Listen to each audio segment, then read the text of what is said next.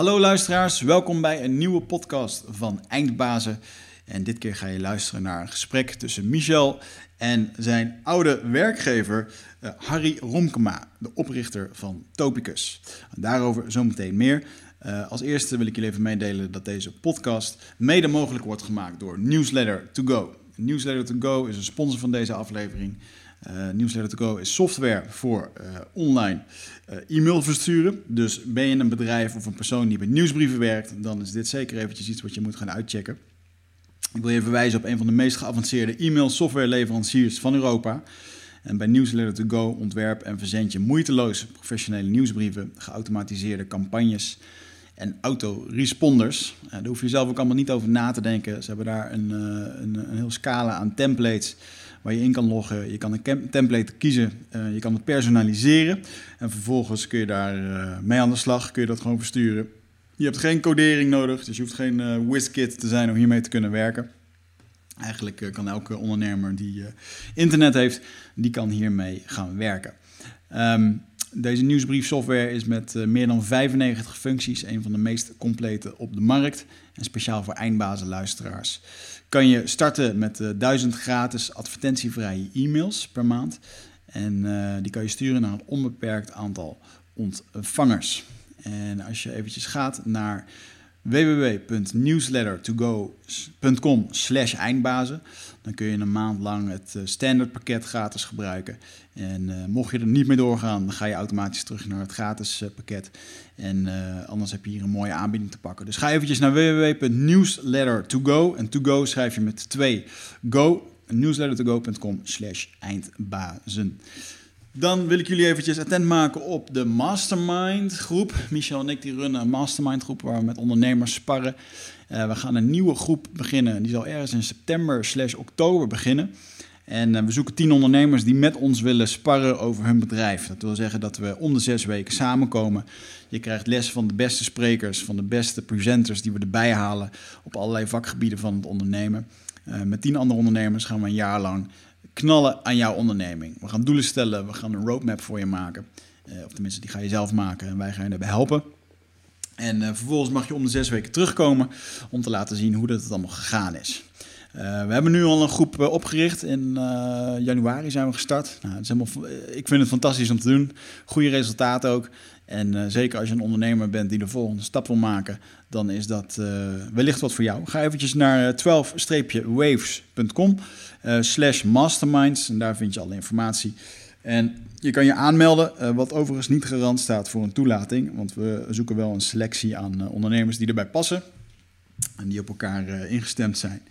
Dus ga eventjes naar 12-waves.com slash masterminds. En daar kan je alle informatie vinden. Ik hoop dat je erbij bent. Of misschien dat je een ondernemer kent die, daar, uh, die daarbij kan zijn. Uh, als laatste, Nutrofit.nl. Dat is de webshop van mij, Michel. Dat is ons bedrijf. We verkopen daar no, no, no zo komen niet uit mijn woorden, jongens. Nootropics. En Nootropics, dat zijn supplementen voor je brein. En die kan je nemen op het moment als je een keertje uh, zware taak voor je hebt liggen. Zoals uh, misschien een presentatie geven, een belangrijke presentatie voor een grote groep. Um, als je slechter geslapen hebt, dan hebben we daar supplementen voor die je helpen bij dieper slapen. Bij het ontspannen van je spieren. Denk aan magnesium, denk aan epsomzout. Echt een hele scala aan ja, biohacking supplementen, zoals we dat in de industrie noemen. Um, eigenlijk alles om je optimaler te laten presteren. En kijk daarvoor eventjes op nutrifit.nl, gebruik de kortingcode EINDBAZEN en daarmee sponsor je automatisch een beetje de show, want het wordt allemaal vanuit dat kanaal betaald, de rekeningen in ieder geval. En uh, nou goed, uh, ga eventjes naar nutrifit.nl met de kortingcode EINDBAZEN. En als je het niks vindt, de producten jongens, dan mag je het gewoon terugsturen. Dus je kan ook nog eens een keertje risicovrij je spullen kopen. Dan uh, de podcast. Uh, beetje raar dat ik deze introductie doe, want ik ben er zelf niet bij geweest. Ik was namelijk op vakantie. Uh, maar Michel die is aan tafel gegaan met Topicus-oprichter Harry Romkema. En Topicus, jongens, echt een ja, gigantische softwareclub in Nederland. Michel heeft er veel klussen voor gedaan in het verleden en nu nog steeds. Ehm, fantastische club als het gaat over het nieuwe ondernemen. En ik denk, een, ja, ik denk dat Harry een heel bijzonder bedrijf heeft neergezet. Bijzondere visie over hoe het aan toe gaat bij Topicus. Hoe dat ze schalen. ja, echt het nieuwe ondernemen. Dus ik ga het niet langer geheim houden voor jullie. geniet van deze podcast. Dames en heren, Harry Romkema. Eindbazen wordt gesponsord door Nutrofit. De webshop voor natuurlijke voedingssupplementen en trainingsmaterialen die je helpen bij het verkrijgen van Total Human Optimization. Nutrofit is hofleverancier van merken zoals Onnit, Natural Stacks en Bulletproof Coffee. Probeer onze producten zonder risico door onze money back guarantee. Bezoek ons op www.nutrofit.nl. Bestel je voor 9 uur s avonds, dan zorgen wij dat jouw bestelling de volgende dag geleverd wordt.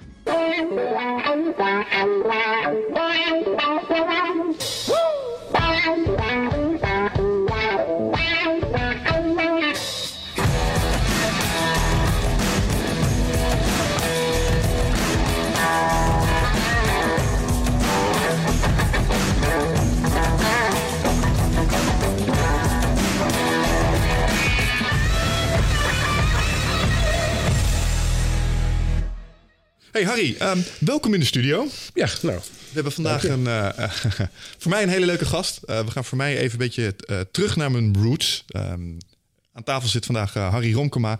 En Harry is een van de oprichters geweest van Topicus. En heeft ja. een briljant ondernemerspad doorlopen en is hij nog steeds aan het bewandelen, wat mij betreft. En ondernemerschap is een thema hier binnen de podcast. Wicht en ik zijn zelf ondernemers. Dus dat vinden we altijd hartstikke leuk om daarover over te praten. En de laatste keer dat ik jou tegenkwam, heb je me iets laten zien van het project waar je mee bezig bent in Deventer, de gasfabriek.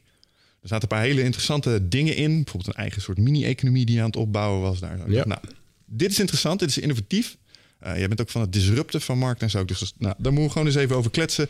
En uh, het eindbasis publiek een beetje van laten meegenieten. Dus uh, welkom nogmaals. Hey, kun je, um, kun, je, kun je eens beginnen met mensen even kort mee te nemen in wie je bent, wat je nu doet en waar je een beetje vandaan komt? Gewoon om eens een beeld te schetsen. Ja, dat lukt wel. Ik ik heb ooit informatica gestudeerd, Universiteit Twente.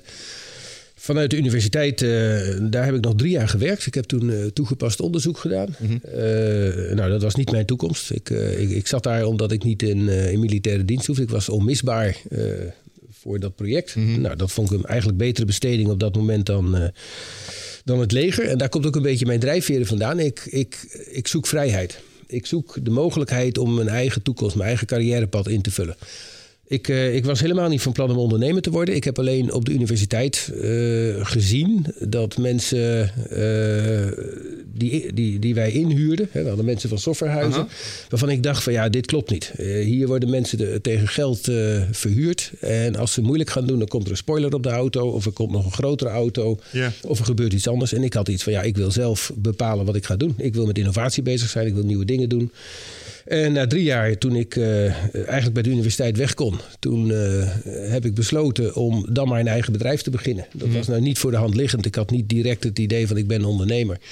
Maar ik had wel uh, duidelijk ideeën over hoe ik mijn toekomst zag. En ja. ik ben toen gewoon het, het veld ingegaan. Ik ben bedrijven gaan bezoeken. Ik heb duidelijk gezegd, ik ga niet voor de bakker op de hoek werken. Ik wil leuke grote bedrijven waar innovaties kunnen, kunnen plaatsvinden. Daar wil ik bij aanwezig zijn. En dat heeft even gekost, maar dat is uiteindelijk gelukt. Mm. Dat is best wel mondig eigenlijk voor iemand die relatief vroeg in zijn carrièrepad staat. Hoe oud was je toen, toen je dit... Uh... Ja, ik was. Uh, ik, nee, ik ben, ik ben afgestudeerd op mijn 24ste. Ja? Ik heb drie jaar er nog gewerkt, dus ik was uh, ergens een jaar of 6, 27. Ja, okay. Toen ben ik begonnen met het voorbereiden van het bedrijf. Ik had ook al mensen in dienst terwijl ik nog op de universiteit werkte. Dus ik ben, ik ben vrij snel begonnen, want ik verveelde me eigenlijk uh, behoorlijk. Ja. En uh, nou ja, goed, dat, dat werd U-Topics. UT, Universiteit Twente, topplaats, toekomstige ondernemersplaats. En ja. de topics, daar wilden we ons mee bezighouden. We waren vreselijk naïef, dus voor ons was het hoogst haalbaar. Dat heette een hoogleraar. Ja. En een raad van bestuur waren we niet van onder de indruk. En dat was een deel van het succes. Hoe bedoel je, legt dat eens uit? Nou, ik uh, bedoel, wij kwamen binnen bij, bij klanten. En soms op hoog niveau. Ja. En ja, of iemand nou in de raad van bestuur zit of niet, wij vertellen hem wat wij vinden dat er aan de hand is. We zijn, hebben een technische achtergrond, we zijn heel rationeel, mm -hmm. uh, dus wij, wij geven een mening. En wat je over het algemeen ziet is, als je naar heel veel bedrijven kijkt, dan hebben ze natuurlijk, ze vertellen dat wat gewenst is en niet dat wat ze vinden. Ja, en ja, daarin ja. waren wij onderscheidend, terwijl we niks bewezen hadden en geen enkele positie hadden. Ja, dat is volgens mij wel een karaktereigenschap die is uh, doorgevloeid in het, in het bedrijf dat er vervolgens uitkwam, Topicus, dat, dat eigenwijze. Dat, dat herken ja. ik daar wel in. Ja, ja nou ja, de, ook daar gold weer. Uh, Kijk, dan moet ik even terug, teruggrijpen. Ik had zelf de ambitie uh, om na mijn middelbare school biologie te gaan studeren. Ja. Dat is een beetje vreemd, maar dat leek me nou wel leuk. Alleen ik had ook gezien, ik liep veel rond in de jeugdbonden voor natuurstudie. En ik had ook gezien dat je daar heel moeilijk mee een baan krijgt. Ja. En als je een baan krijgt, dat dat vaak. Nou of bent een docent eh, biologie, of je, je zit in een, een of andere eh, afhankelijke positie. Mhm. En voor mij was het belangrijk om die vrijheid te krijgen. Dus ik heb heel bewust op een gegeven moment informatica gekozen. Met de gedachte, als ik dat nou eens een aantal jaren doe, dan kan ik daarna eh, doen waar ik, eh, waar ik wel interesse in heb. Wat ik wel erg leuk vind. Nou, dat heb ik ook heel consequent doorgevoerd. Dus als je kijkt naar het eerste bedrijf, dan, dan was voor mij eh 35 jaar was voor mij een eh, punt waarop ik graag eh, vrij wilde zijn. Dan Vijf- wilde op je ik- 35 ja, mijn 35ste. En eh, ik ben dus begonnen met de verkoop op mijn 34ste.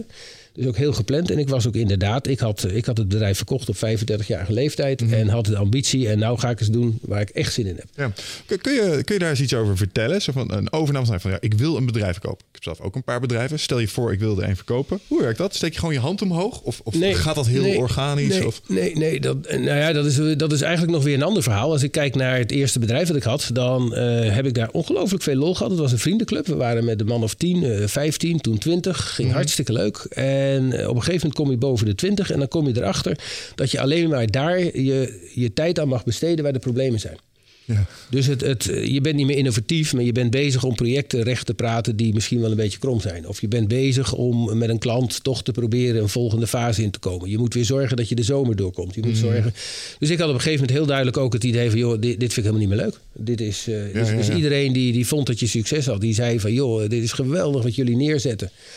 En voor mij was het een, eh, een, een, een, soort eh, dwangbuis. Ik, ik werd steeds meer eh, geregeerd door, door de waan van de dag.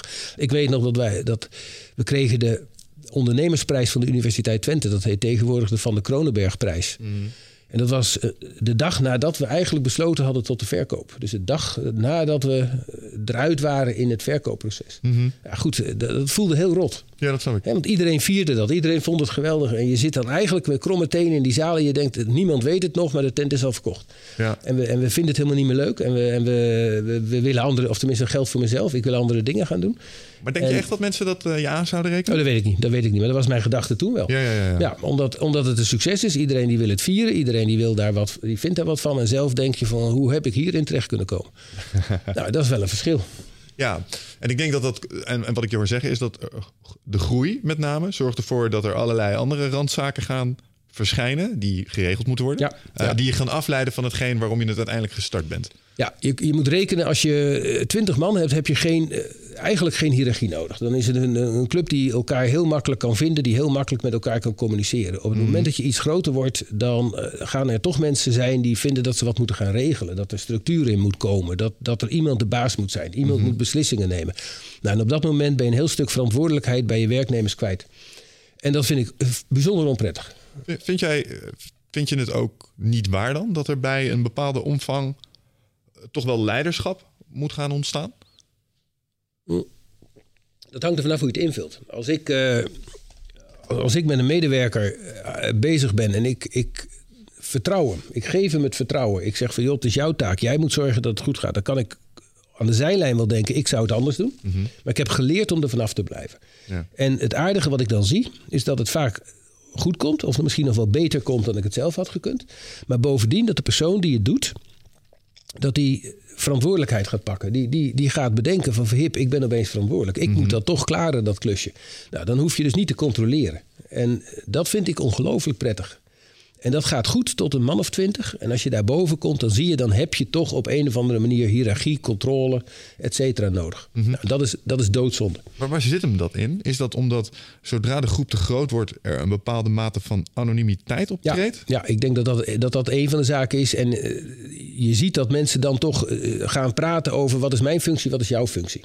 Terwijl ik altijd vind dat je moet kijken naar de intelligentie die iemand heeft. Dus het, het, iedereen is partieel intelligent. Ik ga ervan uit dat iedere mens intelligentie heeft. Alleen die ligt bij iedereen op een andere plek. Ja. Nou, en, en eh, het aardige is, als je je dus aanpast aan de intelligentie van je collega's, dan ga je zien dat er een soort automatische rolverdeling komt. Ja. Nou, als je iets groter wordt, ga je zien dat mensen willen dat er, een, uh, dat, dat er functiesomschrijvingen komen. Dat Ja. iemand ergens verantwoordelijk voor is. Nou, ik, ik, ik, ik vergelijk het altijd met een bus. Dat is, ik, ik geef dat wel eens colleges eh, ondernemerschap. En dan vergelijk ik het altijd met een bus. En dan zeg ik, als jullie beginnen met een onderneming, dat is hartstikke aardig. Dan hebben we een hele brede bus. En allemaal sturen voorin. En iedereen zit aan het stuur. En iedereen zit op een stoel en die is op maat gemaakt. Dus je zit geweldig op je stoel. En, je zit, en als je buurman, eh, als je naar rechts moet, dan ga je schreeuwen naar iedereen van... "Jongens, we gaan naar rechts. Nou, en dan meestal gaat dat redelijk goed. Gaat je buurman eh, niet helemaal mee, dan weet ik zijn stuur te vinden. Geef ik nog wel even een ruk bij. Ja. Want eh, ik zorg wel dat we naar rechts gaan. Nou, en dat, is, en dat is een leuke sfeer. En daar heeft, niemand heeft daar problemen mee. En eh, tot een man of tien gaat dat uitermate goed. Als je daarboven komt, dan wordt het allemaal wat moeilijker. Want dan, dan moet het wel. Nou, en op een gegeven moment komt de behoefte. En dan roept er iemand: jongens, nou moet er een stuurman komen. Er moet één man aan, aan het hoofd zitten, aan het stuur zitten. En dan krijgen we een smalle bus. En dan krijgen we allemaal stoelen erachter. En dan zit iedereen half over zijn stoel heen. Het past 70%, maar 30% past niet. En dan zie je direct de productiviteit naar beneden gaan. Dan zie je de collegialiteit zie je in andere worden. Dan gaan er strijd ontstaan. Van wie mag er nou op die stoel zitten? Wie mag nou welke beslissing nemen? De sfeer verandert. Is dat omdat er ineens een hiërarchie is, denk je? Gaat er iets aan in ons mensen als er een, een, een baas is, waardoor we ons anders gaan gedragen? Ja, je, je, je, je gaat een, een andere betrokkenheid krijgen bij je baan. Dus je, je gaat krijgen dat je denkt, ik begin om negen uur en ik eindig om vijf uur. Je denkt, ik heb mijn taak gedaan, mijn bordje is schoon. Eh, ik wil dat mijn buurman dat ook gedaan heeft. Ik ga kijken of hij zijn bordje wel schoon heeft. Ik ga... En dat, dit is misschien wel extreem gesteld, maar dat is wel een beetje wat je tegenkomt. Nou, ik herken de dynamiek wel. Uh, alleen ik, ik, wat ik interessant vind is dat, dat er inderdaad een soort kantelpunt lijkt te zijn. En, en wat er uh, volgens mij echt verandert is dat uh, eerst ben je allemaal gelijke. En dan Ja. plots is er één, is het de baas. En dan is er ook ineens een soort wij-zij dynamiek. Uh, en, uh, en in die wij-zij, dan is het nee, dat is hun pakje aan, dus het zal mij jeuken. Dat, dat ontstaat Ja, eigenlijk. ja of, je, of je krijgt dat iemand de hele dag loopt te roepen of te vragen aan jou: ga jij je deadline wel halen? Ja. Heb, jij, heb jij je boel op orde? Dan denk ik, joh, als jij me niet vertrouwt, dan, eh, oké, dan is het dus jouw verantwoordelijkheid. Dan, Ja. dan heb ik ook niet meer de verantwoordelijkheid. Als jij mij loopt te controleren, je vertrouwt me niet, dan ben ik er heel snel klaar mee. Daar, Ja. ben, daar ben ik zelf heel gevoelig voor. Die, die snap ik wel. Maar als iemand die 100% schuldig is geweest aan het gedrag wat je zojuist omschrijft. Dus ik ben, Ja. hè, dus je weet, bij Topicus heb ik ook projecten geleid. En um, ik ben echt iemand geweest, en dat zullen mensen die onder me hebben gewerkt echt wel kunnen beamen. Ik zit in je nek. En dat is zeer onprettig. Ja. Maar als ik dan kijk waar, waar dat gedrag vandaan kwam, is omdat ik ook in mijn teams wel eens slechte actoren had. Die, die bewust bijvoorbeeld, ik ook altijd wel zien, mensen die in een kantoor per se met hun rug naar de muur willen zitten, zodat je niet op een scherm kan kijken. Ja. Zodat ze lekker Ja. kunnen uitstellen en op YouTube kunnen zitten, terwijl ze eigenlijk zouden moeten programmeren. En, en daar ontstaat ook een soort wantrouwen vanuit de positie van de projectleider naar zijn mensen toe. Ja, en, en, en gek genoeg, Michel, als jij een, een kleine club hebt, een klein bedrijf hebt, waarbij het voortbestaan en, en, en het succes gedeeld wordt en waarbij je met z'n allen bezig bent, dan, ik noem dit winkeldochters altijd. Bij mij heeft dat zoiets een naam. En die winkeldochters kom je niet tegen. En dat begint echt op het moment dat je, dat je op een of andere manier die sociale controle kwijt bent. Je kunt je voorstellen als je met z'n allen voor in die bus aan dat stuur zit. Ja. En je bent samen verantwoordelijk. En je voelt je ook samen verantwoordelijk. Dan is er geen sprake van dat iemand zo nu en dan eens even wat anders zit te doen. En als dat wel zo is, dan, dan, dan is er op een of andere manier vaak eh, bekendheid van iemand heeft thuis ergens een probleem. Of er is iets anders aan de hand. En dan is er ook wel, nou ja, dan is er begrip voor. Eh, Maar, de, maar he- de echte winkeldochters beginnen echt als je boven de 20 komt. En niet als je onder die 20 zit. zit. Ja, ja, ik snap het. Ja, het is altijd een. eh, Ik denk dat ik het wel begrijp. Als groep te groot wordt, is het anoniem. Dus dan is er ook inderdaad eh, van ja, die gast, ik ken hem eigenlijk niet echt. Ik zie hem wel wat doen, maar ik ben onvoldoende betrokken bij hem om hem er nu op aan te spreken. Ja. Zal wel. Ja. Ja, ja, ik snap hem. En eh, je had het net over ehm, het groeien van bedrijven. En op een gegeven moment ehm, is het te voorkomen dit. Of ze, want wat ik je eigenlijk hoor zeggen is dat groei automatisch een dwangbuis is. Dus als je boven de 20 komt, krijg je dit eigenlijk per definitie.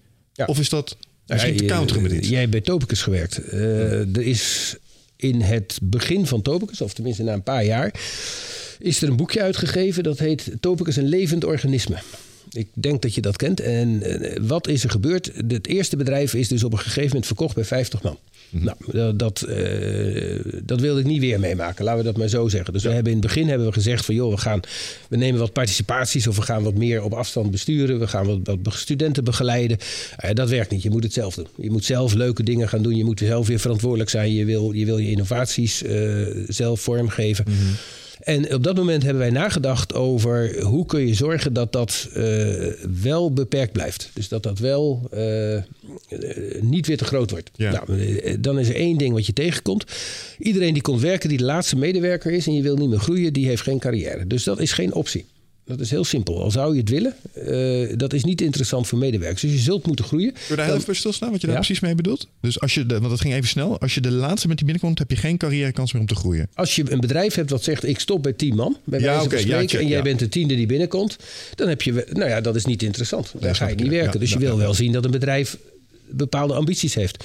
Nou, wat we met, met het levend organisme hebben gedaan, dat is uh, eigenlijk gekeken naar een soort celdeling. Dus we hebben bedacht van als je die cultuur nou iedere keer deelt uit een bestaande uh, organisatie en je gaat iedere keer je weer opsplitsen. Dan krijg je allemaal uh, eigenlijk aparte kernen die apart bestuurd worden, die, uh, die een eigen verantwoordelijkheid hebben. En dan kun je heel vaak met 20 man en dan kan het toch leuk blijven. Mm -hmm. Dus als ik iedere keer weer zorg dat ik nooit groter dan 20 man word, want dan komt er weer iets nieuws uit voort dan heb ik dat mooi voor elkaar. Ik heb toen ook gekeken naar wat Eckhard Winsen uh, gedaan heeft mm -hmm. bij, uh, bij BSO. Nou ja, goed, daar zag ik een, een deeltje ook een marketingverhaal. Hè. Dus de man had eerst 25, toen had hij 50. Uh, toen ging hij regionaal verdelen. Ik denk, ja, die fouten, dat, daar kan ik van leren. Mm -hmm. Daar moet ik iets mee. Dus toen hebben we gezegd, we willen, we willen 20, uh, 20 man groot, niet meer. En we geven mensen de mogelijkheid om te werken aan een eigen propositie. Op het moment dat die propositie een klant heeft en een serieus stukje werk, dan kan dat zich afsplitsen en dan kan dat als een aparte cel doorgaan. Mm -hmm. We hebben heel bewust zo'n cel aan de overkant van de straat gezet omdat in de praktijk mensen zich een beetje gaan afzetten tegen het bedrijf waar ze uitkomen. En dat ja. is erg bindend. Dat is erg positief. Want die zelfstandigheid, dat is juist wat we hebben willen. Oh, wat je zegt is, um, we, we, zaten hier met z'n twintigen. Nu gaan er ja. twee gaan er weg. En die twee met z'n twee, ja, wij zijn nu een team. En zij zijn oud. En we gaan ons een klein beetje afzetten tegen het oude. Wij, gaan, wij gaan het nu beter doen. Ja, we gaan het absoluut beter doen. We gaan het anders doen. En, we, en we leren van de fouten. En uh, het aardige is... Daarmee krijg je dus een nieuw bedrijf. Dus de, de binding is weer dezelfde die je had toen je de eerste keer begon. Mm -hmm. Dat is weer van, joh, wij gaan het samen doen. En ja. we gaan ervoor. En we hebben een gemeenschappelijke verantwoordelijkheid. En we hebben een brede bus. En we hebben heel veel sturen voor in die bus. En daar zijn we allemaal mee bezig. Mm -hmm. nou, daar is het hele bedrijf op, op uh, het hele bedrijfsmodel op geënt. Ja. ja. Wat daar interessant aan is, is dat je uh, eigenlijk als je kijkt naar wat evolutie is, is het zeg maar het steeds zorg geven naar volgende generaties van ja. goede eigenschappen. En ik kan me zo voorstellen ja. dat uh, in die twintig komen ook mensen een beetje naar boven dobberen. Ja. Die bepaalde competenties hebben die, die dat kunnen. De pioniers. Ja, in mijn, in mijn uh, manier van werken zou het zo moeten zijn dat het, dat het ieder jaar een andere cel zou kunnen zijn die de boventoon voert.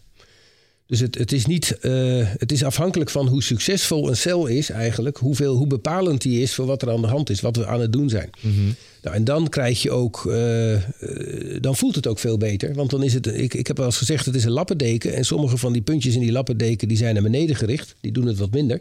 En andere zijn omhoog gericht, die doen het wat beter. Ja. Maar dat kan de hele tijd wisselen. Dus, dus er zijn altijd weer betere momenten en mindere momenten in het voortbestaan van een bedrijf. Nou, ja. daar moet je eigenlijk je organisatie op aangepast hebben. En daarmee uh, beschermen de, uh, helpen de cellen elkaar eigenlijk ook weer, is wat je zegt. Ja, je ziet, je ziet nou ja, dat, dat moet je leren. Uh, ik weet dat we wel eens een discussie hebben gehad. Dat, was jij trouwens, daar zat jij dichtbij. een bepaalde propositie, een ja. aanbesteding. Die werd vanuit twee hoeken benaderd. Vanuit twee, wat dan tegenwoordig divisies heten. En beide wilden ze eigenlijk die, die aanbesteding gaan doen. Maar beide vonden dat de ander het niet mocht doen. Ja. En de oplossing was dat wij zeiden: joh, als we twee keer meedoen, hebben we twee keer zoveel kans. En, en, en, vervolgens uh, vonden die twee elkaar en uh, hebben ze het samen gedaan. Ja. En dat is heel mooi om te zien. Hadden we daar een, als scheidsrechter in gezeten, dan was dat niet goed gegaan. En nu mm-hmm. zie je dus, een, een, er gebeurt iets wat heel natuurlijk is. Ja. Wat ik me dan afvraag is, um, omdat je hebt natuurlijk meerdere cellen op een gegeven moment. Um, daarboven ontstaat eigenlijk ook als vanzelf weer een soort van organisatielaag. Want je, want je zegt, hè, wij zaten er als een scheidsrechter tussen. Nou weet ik toevallig dat er dan wat kopstukken zijn die met de celdirecties gaan zitten. Maar daar, daar ligt dus wel een soort ook van lagen overheen. Ja, maar, maar dan, dan moet je, er zit één, één weeffout in het model. Okay. En die moet ik er dan bij vertellen. Het, het, dit werkt ongelooflijk aardig als je met 20 man kunt stoppen. Mm -hmm. Maar wat is het probleem? Als je marktleider wordt, dan vereist die klant van jou dat je klaar kunt staan met een hoeveelheid mensen om een probleem op te lossen. Ja. En daar willen ze nog voor betalen ook. Nou, dat vind je als starter vind je dat helemaal bijzonder. Want je moet iedere cent bevechten, maar op een gegeven moment krijg je geld om niks te doen. Om, om, om eigenlijk klaar te zitten, om in te kunnen grijpen als er een keer iets fout gaat. Ja. Nou, op dat moment zie je dat je met 20 man niet de organisatie hebt die antwoord kan geven op de vraag die de klant stelt. Op dat moment, als je die 20 man doorgaat, krijg je een hele organisatie. Komt er allerlei behoefte aan structuur. Komt er allerlei behoefte aan. Het moet geregeld zijn. Er moeten, moeten afspraken gemaakt zijn. Er moet, en zit je eigenlijk in de oude valkuil. En dan ga je ook zien dat je dat model, eh, dat het dus niet houdbaar is. Eh, Hè, hoe goed het ook bedacht was. En, en het is in ieder geval veel verder gekomen dan dat eerste bedrijf in, in groei. En toch was het op een gegeven moment, moest je, weer, moest je toch weer een transformatie maken... die je wat meer de eigenschappen van ieder normaal bedrijf gaat geven. Ja, dus het is, eh, het is goed om. eh, het is een hele goede groeistrategie. Ja, Maar uiteindelijk zul je wel weer moeten gaan een soort van consolideren. nou als ik het misschien nog een keer zou doen... Ja. eh, Daar denk je natuurlijk wel eens over. Ja, ja. Van als je stel je er nou weer tegenkomt. Misschien moet je wel het lef hebben om afscheid te nemen van een bedrijf wat te succesvol is. Hmm. Dus als je, als, ik bedoel, mijn, mijn ambitie is vooral het, het, het, het leuke en het, en, het, eh, en het innovatieve. Ja. Dat is ook waar ik nu mee bezig ben. Uh-huh. En eh, ja, ik vind die exploitatie en, die, en, die, en dat succes misschien wel helemaal niet zo leuk. Dat heb ik bij dat eerste bedrijf gezien. Wat was ik blij dat ik daar eh, verlost was van een, eh, van een zorg. Ja. Nou, dat zal nu niet anders zijn. Dus waarom zou je niet op een gegeven moment in je model een structuur neerzetten waarbij je zegt van joh, laat mij nou maar blij zijn met, het, met, met die tussenfase, dat, dat wat kleinere. En niet het hele kleine, maar wel dat, dat, dat in ieder geval niet dat grote. En laat een ander dan maar dat succes gaan vieren met dat groot als die daar blij van wordt. Ja, wat ik er interessant aan vind is dat ehm, het zit hem echt puur op het doen wat je leuk vindt en iets minder op, eh, want de meeste ondernemers het horen, mooi dat het groot wordt, want centen. Ja, dat, dat is prettig, weet je wel. Ik, ja, eh, een heleboel ja. geld hier en daarvoor ben je ondernemer. Maar nee. wat ik echt heel duidelijk wil zeggen van ja, maar who cares? Want ik Ja. wil gewoon de dingen doen die ik leuk vind. Nee, ik, ik had, ik had eh, natuurlijk in mijn, in, mijn, eh, in mijn jeugd had ik de ambitie, mijn mooiste vak wat ik zou kunnen doen, dat heette boswachter. Dat leek me nou echt geweldig. Ja, Nou, en ik weet nog dat ik een verjaardag vierde. Ik denk de 33e verjaardag vierde bij het eerste bedrijf. En toen gaven de medewerkers mij de uitrusting voor een boswachter. Want de, die ambitie was bekend. wat is de uitrusting voor Nou ja, dat was een, een van de domme hoedje. En, en met, een, met veertje. En een dan, fluit, eh, ja. En gegeven mijn... Ik, ik had toen een, eh, een, een, een, een of andere jeep-achtige auto. En, ze, en ze vonden mij te klein. Dus eh, ze gaven me een opstapje. Een klein groen krukje. zodat ik erin kon komen. Wat eikels. Ja, dat was, dat was, erg, was erg grappig. Toch mooi als je de grote baas dat soort steekjes onder water kan geven. Dat zegt iets over de cultuur, denk ik. Nou, ik, had ook, ik kreeg ook twee, eh, twee horens voor op mijn auto gebonden. Die hadden ze erop vastgezet. Dus ik had twee van die, eh, van die, van die, van die stekeldingen. De eerste keer dat ik mee ging rijden, had ik de politie van, Eindhoven, van, eh, van Hengelo aan, eh, aan, de, aan, de, aan de lijn hangen. Tenminste bij de secretaresse. Want er reed een auto van het bedrijf rond en dat was absoluut onverantwoord. Er zaten twee van die stekels bovenop. ja. Ja, dat is mooi. Als de politie het zo druk heeft dat ze over dit soort dingen contact Ja, met je kunnen Hengelo, opnemen. Hengelo. Ja, ja, dat is mooi. Nee, maar goed. Dus ehm ehm, eh, waar zaten we? We hadden het over eh, die notitie van blijven groeien. Als je het overnieuw mocht doen. Nou ja, dan, dan ik zou niet. Ik zou. eh, ik, ik vind met drie man niet leuk. En ik vind met meer dan twintig man niet leuk. Dus ik zou er alle moeite voor doen om te zorgen dat ik niet weer in die situatie zou komen dat het toch weer eh, te groot wordt. Ja. Omdat je dan, eh, ja, je, moet- je moet, dan moet je dingen gaan regelen. En dat is ook logisch. Je, het wordt een heel ander bedrijf. Je krijgt hele andere belangen. Het gaat om hele grote sommen geld.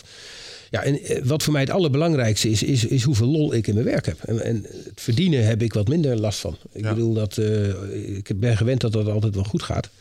Maar ik, daar ga ik niet voor. Ja, dat, nou, wat ik dan mooi aan vind is dat het echt redeneren is vanuit eh, overvloed in plaats van schaarste. Omdat als je redeneert vanuit een soort angst, oh shit, ik moet het bij me houden, want stel je voor, dit is eh, mijn toekomst of, of wat dan ook, dan ga je anders handelen. Ja, En dan Ja. lever je eigenlijk levenspunten in voor een stukje zekerheid, Ja. wat misschien. Ja, maar, dat, maar volgens mij moet je dat niet willen. En, en op een gegeven moment leer je dat ook. Ik, eh, en wat ik ook geleerd heb, natuurlijk, ik heb mijn eerste bedrijf verkocht. Ik heb, eh, nou eh, ja, klaar. Ik heb, eh, ik ben zelfs, dat is ook wel aardig, ik ben zelfs nog op de Universiteit Utrecht. eh, eh, daar had ik, eh, vanuit de functie die ik toen had, hadden we een of andere AIO be- bekostigd. Dus we hadden derde geldstroom, eh, we hadden geld gegeven voor promotie. En toen zei die man, eh, van wat ga jij nu doen? Ik zei, nou, ik zou wel graag weer biologie gaan studeren. Toen zei hij, eh, weet je wat, gaan we even kijken op de faculteit hierachter. Dat was, of het was zelfs in hetzelfde gebouw. En eh, toen, toen liep ik daar rond en toen kwam ik erachter dat het niet meer ging. En dat was voor mij een teleurstelling. Hoe bedoel je dat het niet meer ging? Nou, ik kwam op een afdeling en daar werd practicum gegeven. En daar, zaten, daar, daar stond een hoogleraar en daar stonden practicumassistenten. En, daar werd, en ik keek ernaar en ik zei, joh, je moet dit anders organiseren. Zo moet je dat niet doen. Dat gaat niet goed. En, en op dat moment realiseerde me, ik, ik verhip, ik moet niet achter die tafel gaan staan. Dat gaat niet meer werken.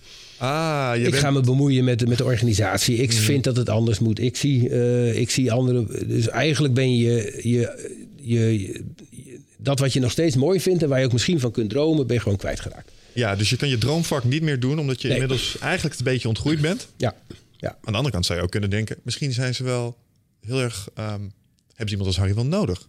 In die organisaties. Want zeker als het gaat om onderwijsland... daar kan enige doortastendheid... eh, ja, maar ik heb natuurlijk drie jaar ge- ge- gewerkt aan de universiteit. Ja. En ik heb ook geleerd eh, hoe zo'n omgeving in elkaar zit. ja.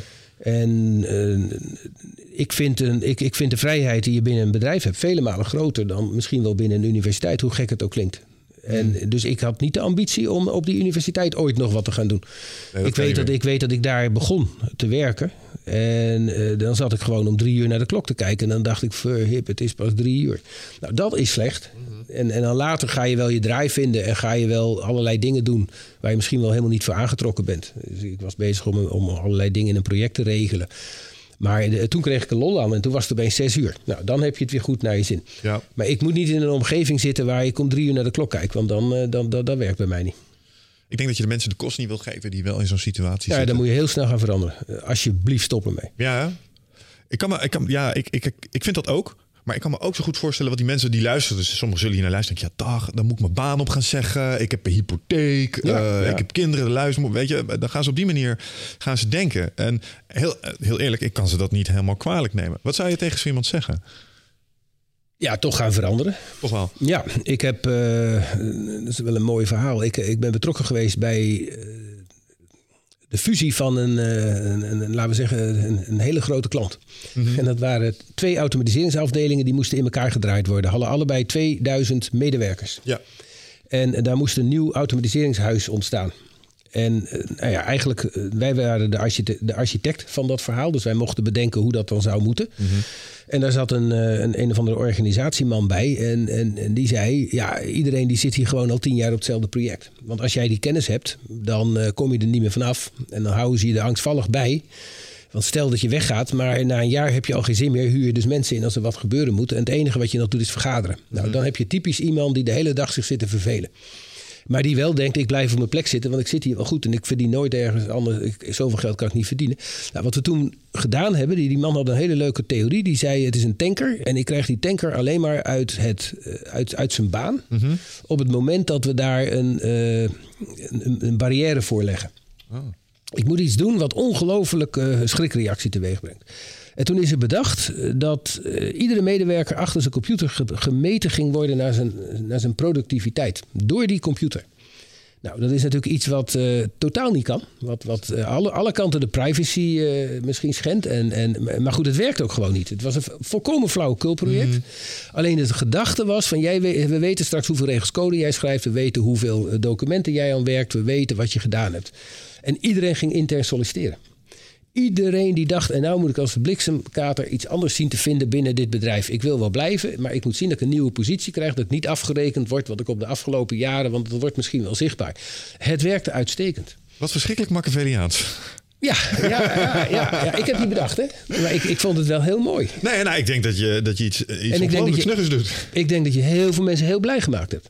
Uiteindelijk wel. Hoewel Ja. het in eerste instantie misschien een paar slapeloze nachtjes gekost heeft. Ja, ja goed. Het, het, het, het kan gewoon niet. Het is natuurlijk een. in de, zeker in deze tijd zou die discussie zou volkomen escaleren. Ja, ja, ja. Eh, In die tijd ging dat nog een beetje. Maar het- wij zeiden zelf ook, jongens, dit is zo fout.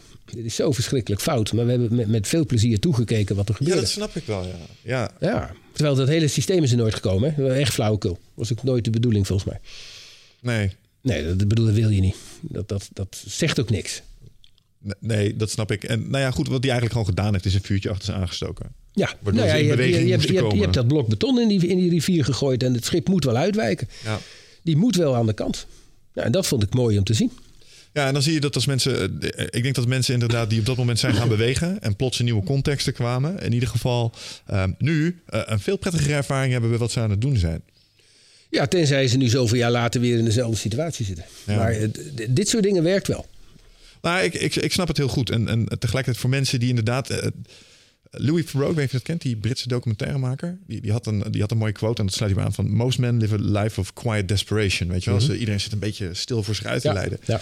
Eh, En als ik dat beluister, dan denk ik, ja, het is ook eigenlijk, eigenlijk best wel lijden. Want je maakt jezelf wijs van, ja, maar ik heb het goed en ik zit hier op een, op een Ja. goede baan en er is lekkere koffie. Maar het zijn wel die kostbare minuutjes van je leven, Ja. joh. Ja. En eh, ik denk dat het best wel toe doet eh, hoe je je ervaart in die minuten. Want als je ergens zit waar je echt diep, diep ongelukkig bent, Ja. ja. dat wrijft af Nee, op ik, alles. ik, ik gooi wel eens eh, intuïtief de knuppel in het hoenderhok. En daar heb ik dan vaak op korte termijn heel veel spijt van. Ik mijn vredesnaam, wat heb ik nou weer Ja. gedaan? Hè? Dan, dan, dan eh, ergens een primaire reactie. En dan, eh, dan schiet je uit je slof. En dan... eh, en, en vaak achteraf, als je dan wat langere tijd terug gaat kijken, denk je, nou, dat was juist het moment om weer eens even een wending te geven aan het geheel. ja.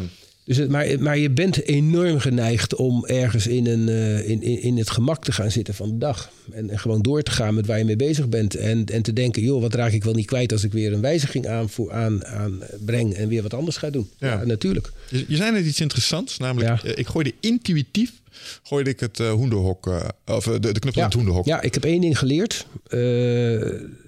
De, je, sommige dingen moet je niet over nadenken. Je moet je onderbuikgevoel volgen. Hoe Ja, gek het ook klinkt. Daar Dus ging mijn je- vraag over. Ja, je, moet, je, moet, je leert op een gegeven moment om je intuïtie te volgen. Hmm. En eh, dat is in heel veel zaken kan dat, kan dat zijn. Dus het, het, ik bedoel, ik heb, vroeger had je dan een, een moeilijke discussie, hè, wat ik vertelde, daar, Hmm. waar ik dan eigenlijk niet zo, niet zo blij mee was. Dan moest, je, dan moest je ergens weer een probleem oplossen. Ja.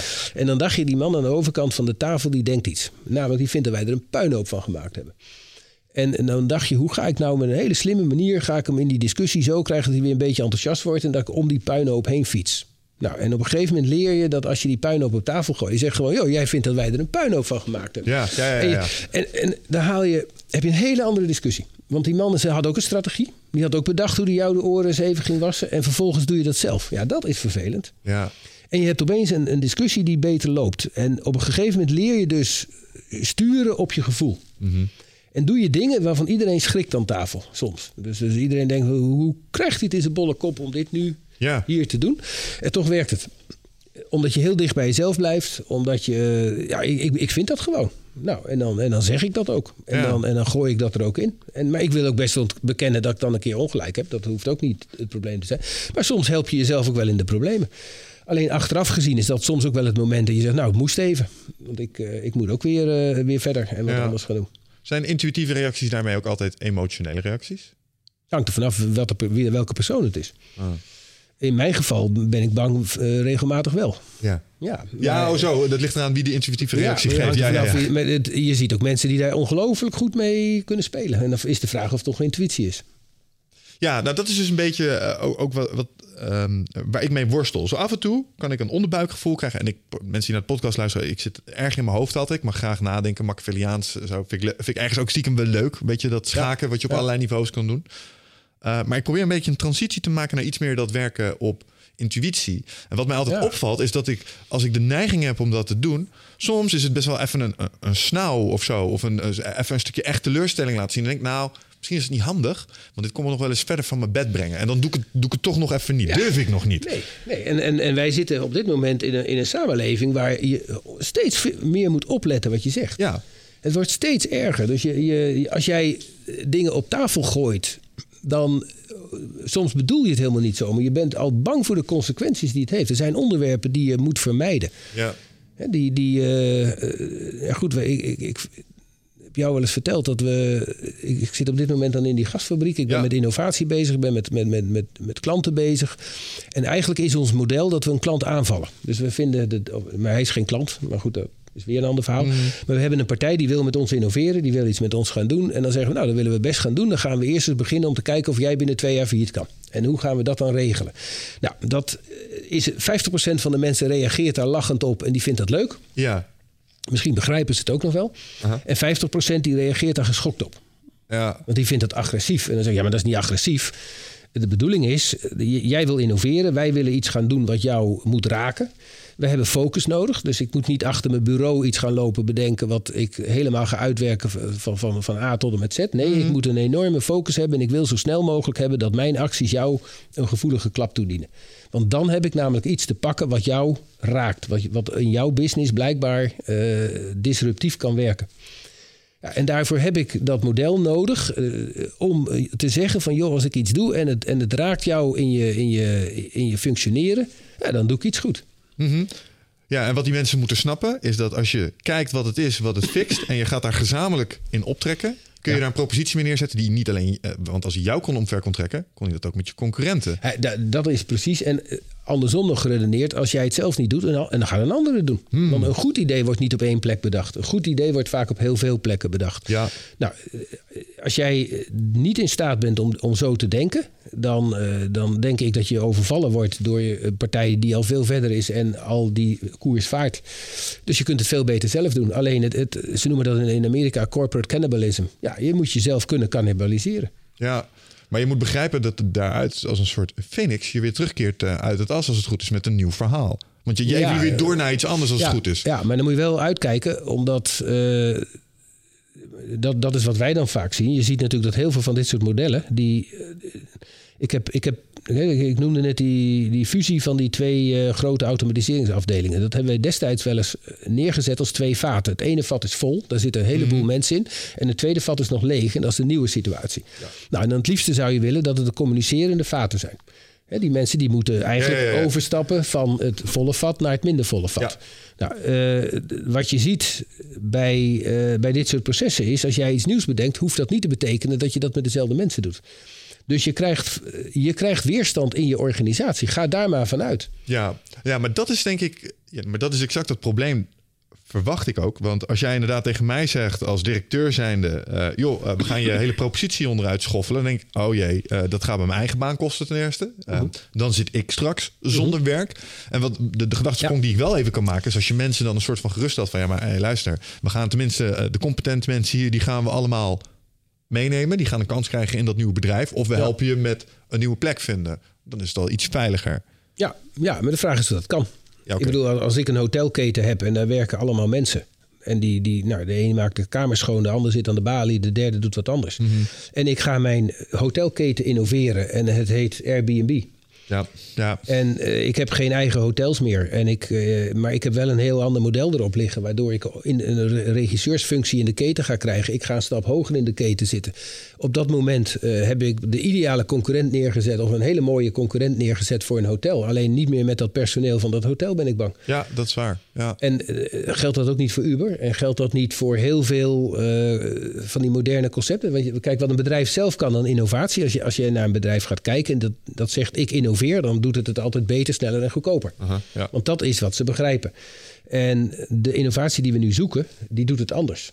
En dat doe je vaak niet met dezelfde organisatie. Sterker nog, je kunt met heel weinig mensen uh, een veel groter bereik hebben. Uh, dan de, de organisatie waar je uit voortgekomen bent. Of waar eigenlijk de aanleiding ontstaan is om te gaan innoveren. Mm -hmm.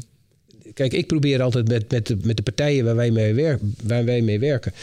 Uh, te vertellen, wordt de regisseur van de keten. Dat is de enige positie die nog interessant is. Iedereen speelt een rol in de keten, vult een, een, iets in in de keten. Ja. Maar het aardige is, wordt nou eens de regisseur van die keten. En nou, dan is natuurlijk de volgende vraag, hoe word ik dat dan? Nou, dan moet je zorgen dus dat je de infrastructuur levert... en dat je de, de, de middelen levert, waardoor die hele keten blij wordt. Ja. En je kunt je voorstellen dat als jij uh, hele goede, goede software maakt... Uh, dat uh, de bedrijven die dat gebruiken, dat die er heel snel achter komen en zeggen: dat moet ik dus maar niet zelf meer gaan doen. Ik ga wel in een SaaS-model zeggen, software mm. as a service. Ik ga betalen voor het gebruik. Nou, als alle concurrenten gebruik maken van dezelfde SaaS-software, en die SaaS-software die heeft een heel groot stuk workflow in zich, dan kon het maar zo zijn dat het hele proces, wat vroeger de specialiteit van het bedrijf was, dat dat onderdeel is geworden van de software. Ja. En dat binnen het bedrijf nauwelijks nog bekend is hoe eigenlijk het proces loopt. Nou ja, nee, dat doet die software. Die vult de werkbakjes. Die zorgt dat mensen het goede ding doen. Mm -hmm. Nou, dan heb je als softwareleverancier opeens een andere positie gekregen in die keten. Want je bent namelijk de partij die uh, zorg dat iedereen op een bepaalde manier werkt. Dat het klopt, dat het volgens de regeltjes gaat. Als een regelgeving Mhm. verandert, dan zal de partij die dat doet, die zal bij jou komen. Die zegt, als jij dat in je software goed doet, doen al die andere partijen het ook. Als een buitenlandse partij op die markt wil binnenkomen, dan zullen ze bij jou komen en zeggen, hé, hey, die software van jou die is handig, want die, die werkt en die past. En als ik die gebruik, ben ik veel sneller aanwezig in die markt. Dus je, gaat, je verlegt eigenlijk een klant-leverancierverhouding. Hè, De klant die een stukje software koopt of, of gebruikt van een leverancier. Je verlegt hem, want je krijgt een, relatie, een, een, een partnerrelatie. Ja. En als je dat niet ziet, en dat wordt vaak niet gezien, dan zie je dat, dat zo'n zo'n softwarebedrijf maar zo de baas wordt over een keten. Nou ja, dat, dat is natuurlijk waar iedereen, eigenlijk die positie wil iedereen hebben. Ja, hoewel ik me afvraag of dat ook niet tegelijkertijd zo'n hele branche ongelooflijk kwetsbaar maakt. Ik bedoel, vendor locking is natuurlijk een ding. Ja, Eh, je moet je afvragen, ik bedoel, we zijn vaak genoeg ook eh, binnen Topicus in contexten binnengekomen waarbij er zo'n situatie was. Daar waren we dan de disruptor. Ja. En wat dan automatisch vaak ontstaat, is een stukje onvrede over de gast die de hele keten eigenlijk al beheert. Is dat niet, een, eh, niet gevaarlijk om dat soort monopolieposities eigenlijk in een stukje te creëren? Slaat natuurlijk. dat innovatie ook niet dood ergens? Ehm, nou ja, eh, eh, uiteindelijk wel. Omdat je namelijk zelf ook weer te verliezen hebt. En als je wat te verliezen hebt, kun je niet meer die innovatie doen. Dus dat is heel simpel, dat, dat ga je ook zien. Maar waar je, je, je kunt misbruik maken van je positie. Ja. En, en, en daar hebben we natuurlijk nu de afgelopen dagen mooie voorbeelden van gezien. Ja, Hè, waarbij we van, joh, hoe ver gaat jouw verantwoordelijkheid? Waar moet, waar moet je stoppen? Hoe, wanneer is het nog een leuke technische uitdaging en is het een ongelooflijk leuk spelletje? En wanneer wordt het serieus? Nou, als de Amerikaanse verkiezingen beïnvloed worden door een of ander systeem, is het geen spelletje meer. Ja, we, we refereren hier naar eh, eh, Facebook. De- deze podcast komen soms een, een, een week of wat later uit. Als, eh. Ik bedoel, niet morgen per definitie. Dus, maar we hebben vanochtend Zuckerberg als een soort robot zijn water zien drinken. Die man had het moeilijk. eh. Ja, ja. ja die had een stropdas om, die had een, eh, zijn, bo- zijn boordenknoopje dicht. En die zat uiterst ongemakkelijk in een pak. Oeh. En eh, had ook nog een kussentje nodig, begreep ik, om boven de tafel uit te komen. Ja, ik, ik heb dat gezien. Alleen ik vroeg mij af of dat niet gewoon het soort stoel was. Maar het zag er wel een beetje knullig Het, zag er, het zag er, het zag er wat gemaakt uit. Ja, goed, wat je daar ziet is dat iemand zich aanpast aan een, een, een systeem. Hmm. Dus het, het, op een of andere manier eh, gaat hij zich aanpassen aan een systeem. Gaat hij de gewenste antwoorden geven en, en probeert hij ermee weg te komen. Ja. Ja, eh, goed. eh, misschien had ik het heel anders gedaan, maar was ik compleet afgemaakt. Ja. Ik weet het niet. Ik denk dat, dat, dat wat je hier ook ziet. Ik bedoel, ja, maar meneer Zuckerberg is eh, directeur van een van de grootste IT-bedrijven in de wereld. Maar tegelijkertijd, het is ook gewoon een. Ja, het is een hij is programmeur, geloof ik. Hij heeft ook Ja. psychologie gestudeerd, maar het is Ja. een. Ja, het is nou niet per definitie een, eh, een tv-ster of zo in zijn persoonlijkheid, denk ik. Niet Nee. zo heel extravert aangelegd, verwacht ik. Ehm, en die wordt dan even, want ik zag, ik zag een foto van hem, dan zit hij achter zijn bureautje. Er is een heel bataljon met camera's voor je. En iedereen kijkt naar alles wat je doet. En je ziet zo'n heel gemaakte glimlach. Ik kan me voorstellen dat je zo zenuwachtig bent op dat moment. Ja, Dat is goed. Die, ongekend. maar, maar laten we wel zijn. Je ziet natuurlijk in dat soort lagen, lagen van onze, onze maatschappij... zien we mensen bovenkomen die vaak verbaal ongelooflijk sterk zijn. Hm. Nou, als je, als je kijkt naar zo'n politiek in, in Amerika... dan zie je daar allemaal van die advocaten zitten... die zijn ongelooflijk goed gebekt. Die Ja. weten ongelooflijk goed zich te verkopen. Die weten ook hoe ze zich weg kunnen draaien voor een vraag. Die, die, nou, al- alles wat je meemaakt, ook in Nederland... als je naar de, naar, naar de televisie, naar de politieke discussies kijkt... dan denk je altijd van, joh, waar, waar gaat dit over? Ja, ja, ja. Het is niet een. Nou, en dan heb je een, een, een Silicon Valley, dan heb je een, een, een laag mensen daar zitten die zijn razend intelligent. Alleen partiële intelligentie, daar Mhm. komen we weer. De intelligentie bij dit soort mensen ligt op een ander vlak dan het verbale kant. De meesten hebben wat minder eh, de, de verbale kant op orde. Ja, goed. En dan, en dan ga je het verschil zien tussen die twee. En dan, en dan is het maar zo dat door de verbale kracht van, van de opponenten van een Zuckerberg... wordt hij, hij wordt in een hoek gedra- gedrukt. Krijgt hele goede training. Nou ja, daardoor komt hij wel als een robot over. En denk je, joh, is dat nog een man? Wat is hij aan het doen? Het is in Ja. ieder geval is, is, is hij zichzelf niet. Maar hij komt er wel mee weg. Hij weet dan nog wel net eh, zich eh, enigszins eh, staande te houden. Ja, die antwoorden die zijn wel een paar keer geoefend, denk ik. Ja, die, hij daar waarschijnlijk alles geoefend. Ja, ja maar, maar, je, maar je kijkt ernaar en je denkt, joh, ga, waarom zit je daar niet gewoon zelf? Ja. Wat, wat vind je van het fenomeen op zich waar die ervoor zit? Dus het feit dat er nu een platform is. Ik, wat ik zie is een. Eh, Ja. Nu, vooral recent zijn een heleboel mensen zeggen: Yo, die social media. Dat kon nog wel eens een fout zijn geweest. Op, om een aantal redenen, zeg maar. En de, de Apple CEO die gaat weg en zo. En die is ook een beetje social brownie points halen nu natuurlijk. Van, hey, Ja. kijk mij eens als virtual signaling. Ja. Kijk mij eens even eh, autonoom zijn. Maar Ja. tegel- teg- tegelijkertijd, het is wel een ding. Dus eh, hoe kijk jij daar tegenaan? Ja, ik, ik denk dat we, dat we gaan leren hoe je moet omgaan met dit soort technologie. Dus het, de technologie is op zich heel erg mooi, alleen heeft een paar hele gekke uitwassen. En, en eh, als, ja, goed, ik, ik verkeer vaak in een techneutenomgeving. Mhm. En dan moet ik je eerlijk zeggen, wij vinden dat geweldig. Om, om, om na te denken over wat we nou weer kunnen manipuleren en kunnen veranderen. Ja. En nu zien we die discussie op televisie, gaan onze ogen open en denken we, oh, wacht eventjes, dit is, hier moeten we iets mee. Mhm. Ik, ik ben zelf, ik heb informatica gestudeerd. Wij hadden vak eh, WNM, wijsbegeerte en maatschappij. Ja. En daar werd ons ongelooflijk geleerd, men zal geen bestanden koppelen. En nou ja, we hadden een heel stuk ethiek wat wij aangereikt kregen, wat we allemaal niet zouden mogen doen. Mhm. Als je dan eh, jaren later gaat kijken, is daar niets van over. Nee. Dus het, het, het, en die ethiek die we toen kregen, die klopte ook niet. Dus eh, sommige dingen vinden we nu al heel normaal. We zijn gewoon een paar stappen verder. Nou, Alleen, we, we gaan nu te ver. Ja, want ik kan me die discussies herinneren. Ik weet nog dat wij eh, vanuit Topicus waren betrokken bij een signaleringssysteem. Waarbij je in meerdere systemen een vlaggetje omhoog kon zetten. Als bijvoorbeeld politie iets merkte aan een kind. Ja. Waarschijnlijk blauwe plekken. En een, eh, een arts had dat ook. Heel vaak gingen die mensen langs elkaar heen. Ja. En dan kon je ergens in een index konden ze een vlaggetje aanzetten. En als er twee of meer vlaggetjes waren, ging er een regisseur, waar ik het net over had, eh, die ging dan de, de partij bij elkaar brengen. Ja. Met als bedoeling om nooit meer van die verschrikkelijke situaties als dat meisje van de Nul. Ama's. Ja, precies te laten ontstaan. En toen zaten we in klankbordgroepen met zorgprofessionals. En toen weet ik nog dat er een aantal echt principiële bezwaren hadden tegen Ja. het vermogen van koppelen op basis van BSN. Dat, dat was toen nog de hele grote discussie. Mag je BSN gaan gebruiken, ja of nee? Nou, dat is er ook helemaal doorgedrukt. Ja, Terwijl daar wel mensen inhoudelijk echt bezwaren tegen hadden. Wat, wat was dus het idee van eh, eh, zeg maar de mensen die, die die ethiek predikten, waarom het niet mocht? Hey eindbazenluisteraar, dankjewel dat je zit te luisteren naar deze podcast. Ik onderbreek hem eventjes voor een hele belangrijke boodschap. Of misschien liever gezegd een uitnodiging. Want op 24, 25 en 26 mei dan is er weer een nieuwe editie van Rite of Passage. Dat is mijn retreat voor persoonlijke ontwikkeling. En speciaal voor de mensen die op zoek zijn naar, ja, naar helderheid. Of dat ze lastig bij hun gevoel kunnen komen. Dat ze moeilijke beslissingen moeten maken. En dat ze zo ontzettend in hun hoofd zitten ja, dat ze er eigenlijk gewoon niet meer goed uitkomen. Of dat ze misschien al heel lang in een, ja, een soort van oud gevoel zitten. Dat ze dat gevoel willen transformeren. Of misschien wil je gewoon een oud stuk achter je laten. Ergens een punt achter zetten. En ja, zoek je misschien heling op iets wat, wat je te lang hebt weggeduwd of, of hebt vermeden. Daarvoor wil ik je uitnodigen op 24, 25 en 26 mei om in een retreat mee te doen waar de inhoud van het programma geheim is. Waar de belofte is dat het oncomfortabel wordt. Want jij begrijpt als geen ander dat als je die volgende stap wilt maken, ja, dan zul je uit de comfortzone moeten komen. En ik garandeer je, laat mij dat proces begeleiden met jou voor drie dagen. En je leven zal daarna nooit meer hetzelfde zijn. Gemiddeld beoordelen de deelnemers het met een 9,2. En daar ben ik ontzettend trots op. Er is ook een money back guarantee. Heb je de drie dagen vol, volbracht en vind je het niks, krijg je gewoon je geld terug. Dus het enige risico wat er is, is dat je gelukkiger kan worden. Ik zie je Bride of Passage. Ga naar wichertmeerman.nl en klik op Retreat. Ja, ik, ik denk dat je de consequenties niet kunt overzien. En eh, wij, wij werden als opgeleid met doe nou niet gewoon alles, maar denk erbij na. Nou, en, en eh, daar waren dan mensen bij die zich helemaal vastgeprikt hadden op die, op die koppelen van bestanden. Wat absoluut niet zou kunnen. De sociale dienst gaan we niet koppelen aan de belastingdienst, gaan we niet koppelen aan de.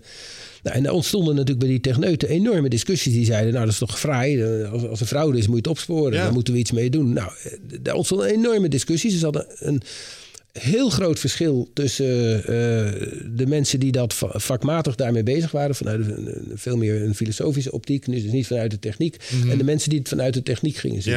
Nou goed, ergens blijft er toch iets van hangen, gek genoeg. Hè. Was het compleet niet mee eens op dat moment, dat weet ik ook nog wel. Ik vond het, vond flauwekul. En toch weet ik dat ik in mijn hele carrière dat meegenomen heb. En iedere keer weer dacht als er iets gebeurde, wacht eventjes, dat, dat moet, eigenlijk moeten we dat niet willen, maar waarom ook alweer niet? Nou, Je gaat wel nadenken. Toch ga je uiteindelijk steeds verder. Je ziet ook nu dat er bij de Belastingdienst volgens mij van alles gekoppeld wordt. En daar zijn we helemaal niet ongelukkig mee. Dat vinden we allemaal nog wel, nou, nog wel oké ook. is handig. Eh, ja, eh, maar het, het gaat nu wel te ver. Wat gaat er precies te ver? Nou ja, ik bedoel, als je de verk- verkiezingen kunt beïnvloeden, dan Ja. mag je er toch van uitgaan dat, dat die verkiezingen, of die verkiezingen deugen niet meer, of die technologie die heeft een verkeerde rol gespeeld. Nou, daar ben ik nog niet uit, moet ik je heel eerlijk zeggen. Hmm. Dus ik, ik ben nog niet zo dat ik direct zeg van uh, het is de social media die, uh, die we moeten beperken om te zorgen dat de democratie overeind blijft. Mm -hmm. Of het is de democratie die we misschien wel eens een, uh, moeten veranderen omdat de, de technologie en de manier waarop we met elkaar omgaan een andere orde eist. Ja, daar hebben we het hier met Marianne Thieme ook wel eens een klein beetje over gehad. Of het, of het niet mogelijk zou zijn om een nieuwe vorm van uh, zeg maar regeren te verzinnen. Waarbij, ja. je, waarbij je bijvoorbeeld uh, lokaal, bijvoorbeeld ik woon in Deventer. Ja. Uh, waarbij ik kan kiezen op een website. dit zijn de proposities. Ja. Um, dit zijn de, de, de, onze je vertegenwoordiging. Die heeft een aantal voorstellen gemaakt. Dit zijn de opties. En jij mag nu kiezen waar dit potje aan wordt uitgegeven. Zijn het speeltuinen? Is het de Deventer strand? Of gaan we toch die wegen en, en de, de populatie mag kiezen? Zo, zoiets. En technologie zou dat best kunnen faciliteren, denk ik dan. Ja, ja. De, dat, daar worden ook experimenten mee gedaan. Volgens oh, mij okay, zijn er uh, al, ik dacht dat er in Zweden zoiets gebeurde en dat er ook ergens anders nog iets gebeurt. Hmm. In Canada of zo. Maar uh, kijk, wat je ziet, ziet opkomen, zeker in de lokale politiek, dat is natuurlijk de one-issue partijen. En die hebben, hebben één ding wat ze ja, ja, Thieme, dat is dan ook wel een voorbeeld, denk ik. Wat daar een beetje uitkomt. En uh, een heleboel mensen hebben niet one issue, die hebben veel meer issues. Maar die zien ze niet zitten bij één partij. Dus mm -hmm. het, het, is niet dat je automatisch zegt van joh, hij.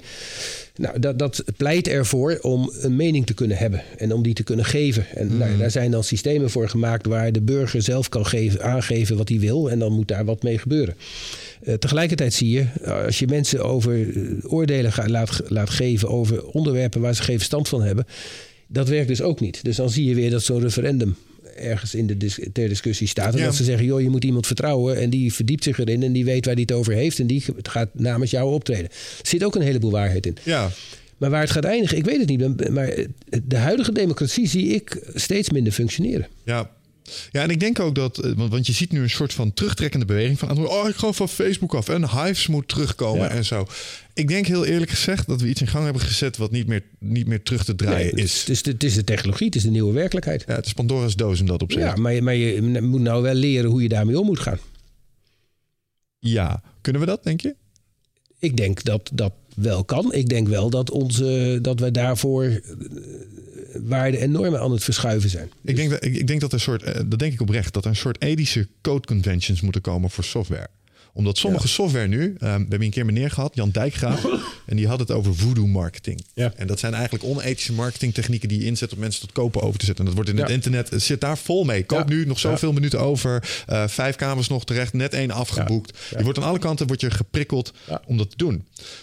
Misschien zou er wel iets moeten komen waarbij we eigenlijk met z'n allen zeggen: oké, dit zijn de, dit zijn de smerige trucjes die gebruikt worden. Zoals social media die je telkens weer naar die telefoon trekken omdat ze je conditioneren door gekleur gebruikt, bepaalde feedback te geven. Misschien is dat wel iets te krachtig. Misschien is dat wel een beetje digitale heroïne. Misschien moet ja. iets. Zou dat ja. een optie kunnen zijn, denk je? Het, het, het, zou kunnen, maar dan ga je ervan uit dat wij dat er een heleboel dingen bij hetzelfde blijven.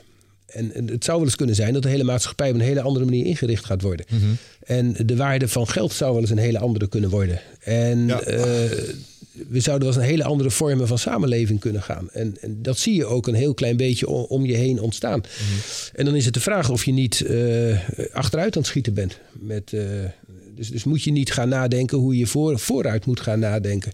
Wij hebben dan uh, met het werk wat ik op dit moment mee bezig ben, zijn we altijd in een bepaald domeingebied aan het nadenken over hoe ziet de wereld er over tien jaar uit. Ja. En we hebben ondertussen bedacht of ontdekt dat dat makkelijker is om te vertellen hoe die wereld er over tien jaar uitziet dan hoe komen we daar. En daar kun je heel veel zou je daaraan moeten ophangen. Dus ik heb nu ook hmm. uh, tegen de gemeenteraad uh, bij ons gezegd: van jongens, jullie zouden eens moeten gaan nadenken over hoe ziet de gemeenteraad er over tien jaar uit omdat dat namelijk makkelijker te bedenken is dan hoe komen we daar in vredesnaam. Nou, maar het is wel een sturend mechanisme. Want als ik weet, denk te weten hoe een gemeenteraad er over tien jaar uitziet, mm -hmm. dan kan ik heel veel dingen tot belangrijk of minder belangrijk gaan verklaren. Ja. ja. Om, om, een voorbeeld te noemen, we zijn, uh, we zijn bezig geweest met, een, met, met energiemarkt. En er zat onder andere een, een, een cv-ketelfabrikant bij. Nou, dan, dan, heb je nog wel even te gaan, zeg maar. Dan moet je, moet je gaan overtuigen. Dus ga je feitelijk kijken wat is er aan de hand. Ja. En dan zie je dat, uh, dat zonnepanelen steeds goedkoper worden. Dan zie je dat er een ongelofelijke berg energie van de zon komt. Dan zie je dat, uh, dat de opslagcapaciteit nu nog een probleem is, maar dat dat ook razendsnel zich ontwikkelt. Dat de prijs van opslag uh, akelig veel goedkoper wordt. En dan duurt het niet lang of je zegt dat het duurt 10 jaar. Nou, het zou ook 20 kunnen zijn, maar dan is energie bijna gratis. En misschien is ieder huis wel zijn eigen energiecentrale. Ja. Nou, dan is er natuurlijk altijd iemand die zegt in Amsterdam lukt je dat niet. Je hebt overal oplossingen voor. Dus je, je gaat zien dat over tien jaar het helemaal niet zo'n gekke gedachte is dat we voldoende groene energie hebben en dat die nog niet veel kost ook. Nou, dan heb je cv-ketels. Ja. Ja, ik denk niet dat, eh, dat dat het gaat worden. Nou, dat, dat, dat- grappige was, deze discussie is kort geleden. En, en nu zou die heel anders gevoerd worden met alles wat er in de kranten gestaan. Maar zo snel gaat dat. Volgens mij was het streven om ze binnen 10 tot 20 jaar allemaal uit te Ja, en faseren. een jaar geleden was men er nog van overtuigd dat een cv-ketel nog een eeuwig bestaan ongeveer. Daar hebben mensen in een vergamatafel gezegd met een vuist op tafel Ja. geslagen zeggen dit duurt nog jaren. Ja, je hoeft ons ja, geen zorgen over ja, te en maken. ik ben Ja. bang dat je ze nog steeds kunt vinden, maar steeds minder. maar dat is echt een jaar geleden. Nou, het gaat razendsnel. Maar die tienjaarsvisie kun je vrij makkelijk eh, neerzetten. Als je daar met een aantal mensen over gaat praten. Je Ja. gaat het echt feitelijk onderbouwen. Je gaat echt vertellen van wat is er nou feitelijk al bereikt. Dan blijkt er al veel meer bereikt te zijn dan we ons kunnen bedenken. Ja. Als je dan gaat kijken, en, maar hoe gaan we daar komen en hoe gaan we dat acceptabel maken, dat lijkt me veel nuttiger. Dan dat je achteruit. En dan ben ik benieuwd naar, naar de hele. Als je naar over een democratie gaat hebben. Dan ben ik zeer benieuwd hoe die democratie er over tien jaar uit zou moeten zien. Of hoe je denkt dat die eruit zou zien. Hoe je dat feitelijk kunt onderbouwen. Om dan te gaan bedenken. En hoe maken we dat nou acceptabel? Ja. En, en dan is het maar de vraag of, of je daar niet social media als een middel gaat inzetten. In plaats van dat je het als een bedreiging gaat, gaat bestrijden. ja, en dat is een beetje waar, waar, waar ik op aanstuurde misschien dan straks ook wel. Als je nou, kijk, want om nu iets als Facebook en social media los te maken van de maatschappij, dat is als een tosti uit elkaar trekken. Dat gaat zeer moeizaam en, eh, en messy worden. Ja. Ehm, dus misschien kun je, kun je maar beter gaan kijken naar wat je tussen die boterhammen stopt. Ja, Snap je? ja je, moet, je, moet, je, moet, je, moet, je moet dat niet ontkennen, want dat gaat niet werken. Ja. Het gaat niet werken. Ja, ik geloof dat wel. Ik heb toevallig recentelijk, laten we nog even inzoomen op dat disrupten. Hè? Want ik vind dat interessant, want eh, wat je eigenlijk gewoon zegt is... als iets geen levens, eh, eh, geen, eigenlijk geen bestaansrecht meer heeft... moet je het eigenlijk om zeep helpen. Want als, het- als iets sneller kan, zeg maar, en beter kan... want dat is de Dan, kern dan van wordt innoveren. het om zeep geholpen. Ja. En, maar wat ik je ook wil zeggen is dat je het wel redelijk proactief opzoekt. En dat is een doel. Het, het is voor mij het is een manier om focus te krijgen. Ja. Dus als ik een, een nieuwe bank wil neerzetten, moet ik vooral een bank gaan aanvallen. Ja. En, en als het op korte termijn, als ik dingen bedenk die op korte termijn de bank pijn doen, dan ben ik op de goede weg. Ja. Nou, iemand legde mij daar recentelijk iets in uit. Ehm Jurjen Punt. Ehm, en die vertelde mij, er zijn drie facetten die belangrijk zijn bij kunnen disrupten. En één, één daarvan is ehm, de, de lean methodiek en het, en het constant zoeken naar MVP's. Dus Minimal Viable Products. Ja. Is dat iets wat jij, wat jij daarin herkent? Is dat ook wat jullie doen? Nou ja, eh, kijk, eh, dan, dan moet ik weer. Ik ben drie jaar geleden begonnen met eh, eigenlijk weer het idee van een incubator. Dat, Ja. dat was het idee. We moeten weer gaan innoveren. En in een bedrijf wat wat groter wordt, is dat lastig. Dus we moeten eens even buiten het bedrijf wat dingen gaan doen. Dan kom je er heel snel achter dat dat heel moeizaam werkt. Ja. En nou, ja, ik heb toen in die tijd plaatsgenomen in verschillende juries. Ik denk, ga eens kijken wat er verder te halen is. Ik zat bij de, de Summer School van de universiteit. Ik zat bij Enactus, een, een sociaal ondernemerschap. Ik zat, nou ja, dat soort... En dan komen de mensen die komen langs en die houden een pitch. Dat duurt twee minuten. Ze vragen minimaal twee ton en maximaal 2 miljoen. Dat is ongeveer het verhaal. En dan zit je naar te kijken en dan denk je... jongens, dit is kansloos. Dit, dit, dit, dit, het is een prachtig idee. Ik, ik snap dat je enthousiast wordt. Maar ik zie zoveel problemen. En, en ik zie zoveel dingen die nog moeten gebeuren. Ik weet het niet. Of ik daar, daar gaat toch geen mens zijn geld in stoppen. Nou, dat blijkt ook steeds vaker. Ik had laatst een beleggingsfonds die zei ook... Joh, ik heb er vijf start-ups gepakt, daar heb ik twee ton in gestoken... was een miljoen kwijt. Drie jaar later moet ik 1,4 miljoen eruit halen. Dat gaat nooit werken. Ja. Hij zegt, dat doe ik dus nooit weer. Nou, die, on, die markt... Dus heb ik nagedacht, dat moet anders. Want dat gaat dus niet werken. En dat zag je in Silicon Valley, zie je dat ook wel een beetje spaak lopen. Vroeger werd er heel makkelijk heel veel geld neergezet. Ja. Maar iedereen zegt nu, een bedrijf moet eerst door zijn Dead Valley heen. Dat, dat is het experimenteerperiode waarin ge- gevalideerd wordt, gekeken wordt. En dan pas in de, als scale-up, dus Ja. als het iets is wat, wat gaat werken... dan zijn er financiers te vinden en die zeggen, ja, daar wil ik wel in. Nou, ik heb toen gedacht, hoe ga ik dat doorbreken? Eh, en toen ben ik eigenlijk naar een hoeveelheid corporates gegaan. Die heb- ben ik gaan bezoeken, ben gaan kijken hoe zij hun, eh, hun, hun innovatie regelen. Eh, nou, daar heel vaak de discussie gehad over beter, sneller en goedkoper of anders. Dan zie je beter, sneller, goedkoper kunnen ze. Anders, dat is vaak iets wat ze inkopen. Dus Ja. ze zien ergens een bedrijfje die doet iets leuks en, en dat gaan ze dan opkopen.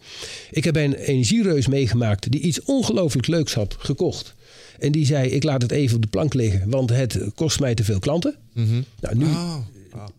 Ja, precies. Ja, ja. Nu zie ik ze daar wel mee de markt op gaan. Ik, zie nu, ik hoor nu radioreclames, maar ik, ik, ik, heb dat nooit begrepen. Van welke idioot legt nou zoiets moois op de, op de plank? Dit had al groter kunnen zijn. Ja, dat had natuurlijk. Ja, Schaars te denken. Dat is... maar nog veel erger.